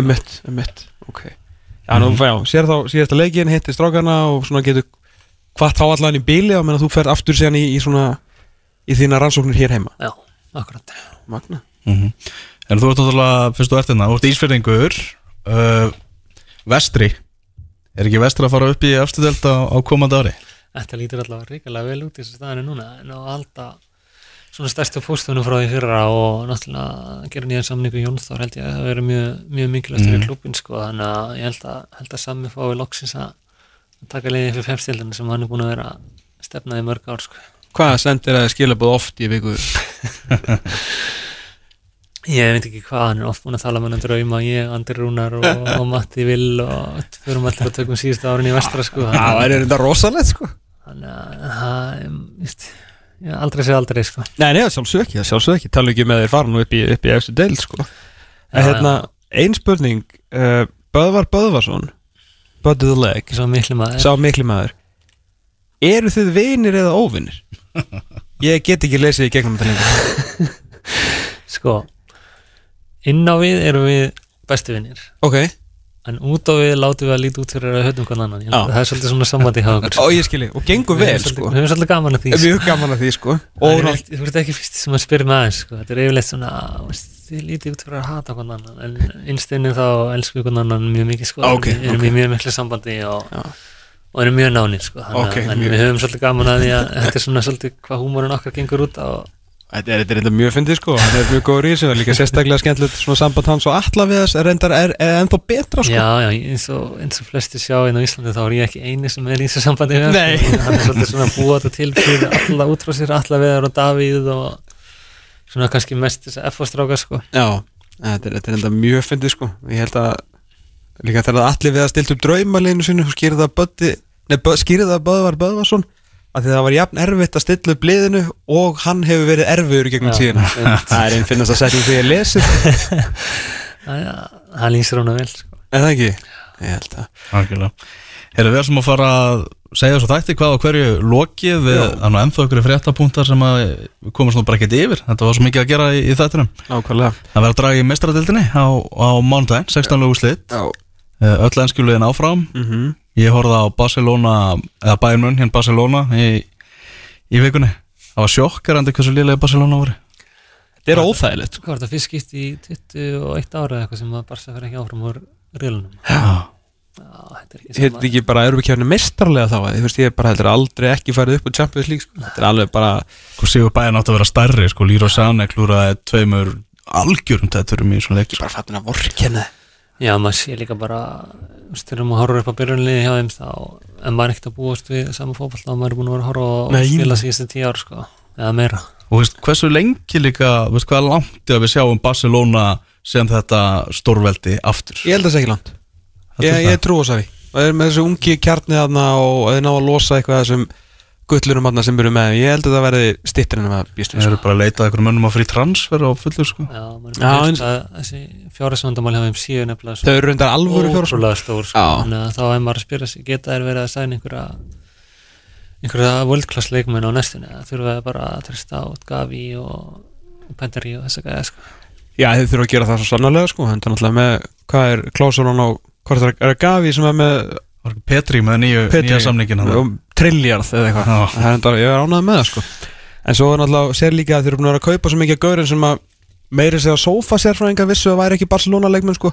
Og svo kom bara Já, veist, og Serginho Dest og eitthvað og maður svona, æ, jú, jú, veist, hann er fljótur og eitthvað og kanni og maður veit ekki alveg með þetta og það er líka bara allir leikmenni sem er búið að blöðurinn að skrifa um í marka og eitthvað eru bara eitthvað Savi er búin að handvelja hérna, alla lélugustu göruna sem ætla að losa við sem allra fyrst og það eru allir görunni sem að sófæsarfreikandur sögðu frá upphafi að væri ekki nógu góðu fyrir Barcelona sko. þannig að það er búið að stýra þessu félagi sko, stýra skútunni í strand og rúmlega það en þeir áttu svo sem ágæta tíma hann fram að þessu þannig að það búið að vera einhverjir leiki sem er á unni Já, já, já, einhverju titlar svona dottið inn svona með tíu tíma sko. En já, ég heldur fyrir bara að slá þetta. Emil Pálsson, takk hjálpa fyrir komuna, hrikalega gaman að sjá þig og góða ferð til Norex á morgun. Uh, Við, sem við leðis, fórum hérna yfir fréttir vikunar, tölum við Frey Alessandursson í Kongsings Límbi, þeir eru konin í þryggja mánada uh, vetrafrí, mm Mhm. Límbi strákanir Bara þurfum að komast upp í ástöld Já, við erum seti í deildinu og svo hringdum við einnig til Vestmanni en hringdum við einu verið tvis og til útlanda Já. í eh, þættinum. Í BF á Gerfigras og ánaði með eh, nýjan liðstyrk Herðu, næsta vika á síðasti þáttur ásins síðasti þáttur ásins, við ætlum ekki að vera hérna jóladag nýja á gamlásdag því miður, þið verður bara að uh, gefa okkur það, við erum að vera hérna fyrir ykkur í 12 ár og nú all, þessa dag ætlum við að vera í frí sem þýðir að 18. desember verður jólakæfan, jóla áramóta kæfan hvorki meir enn í minna og við erum með geggja velunarflokka eins og alltaf og erum að stefna á alveg geggjaðan leiningest uh, sem við vonum að gangi upp. Þanga til í jólakæfinni eftir 6 og 22 tíma verið sæl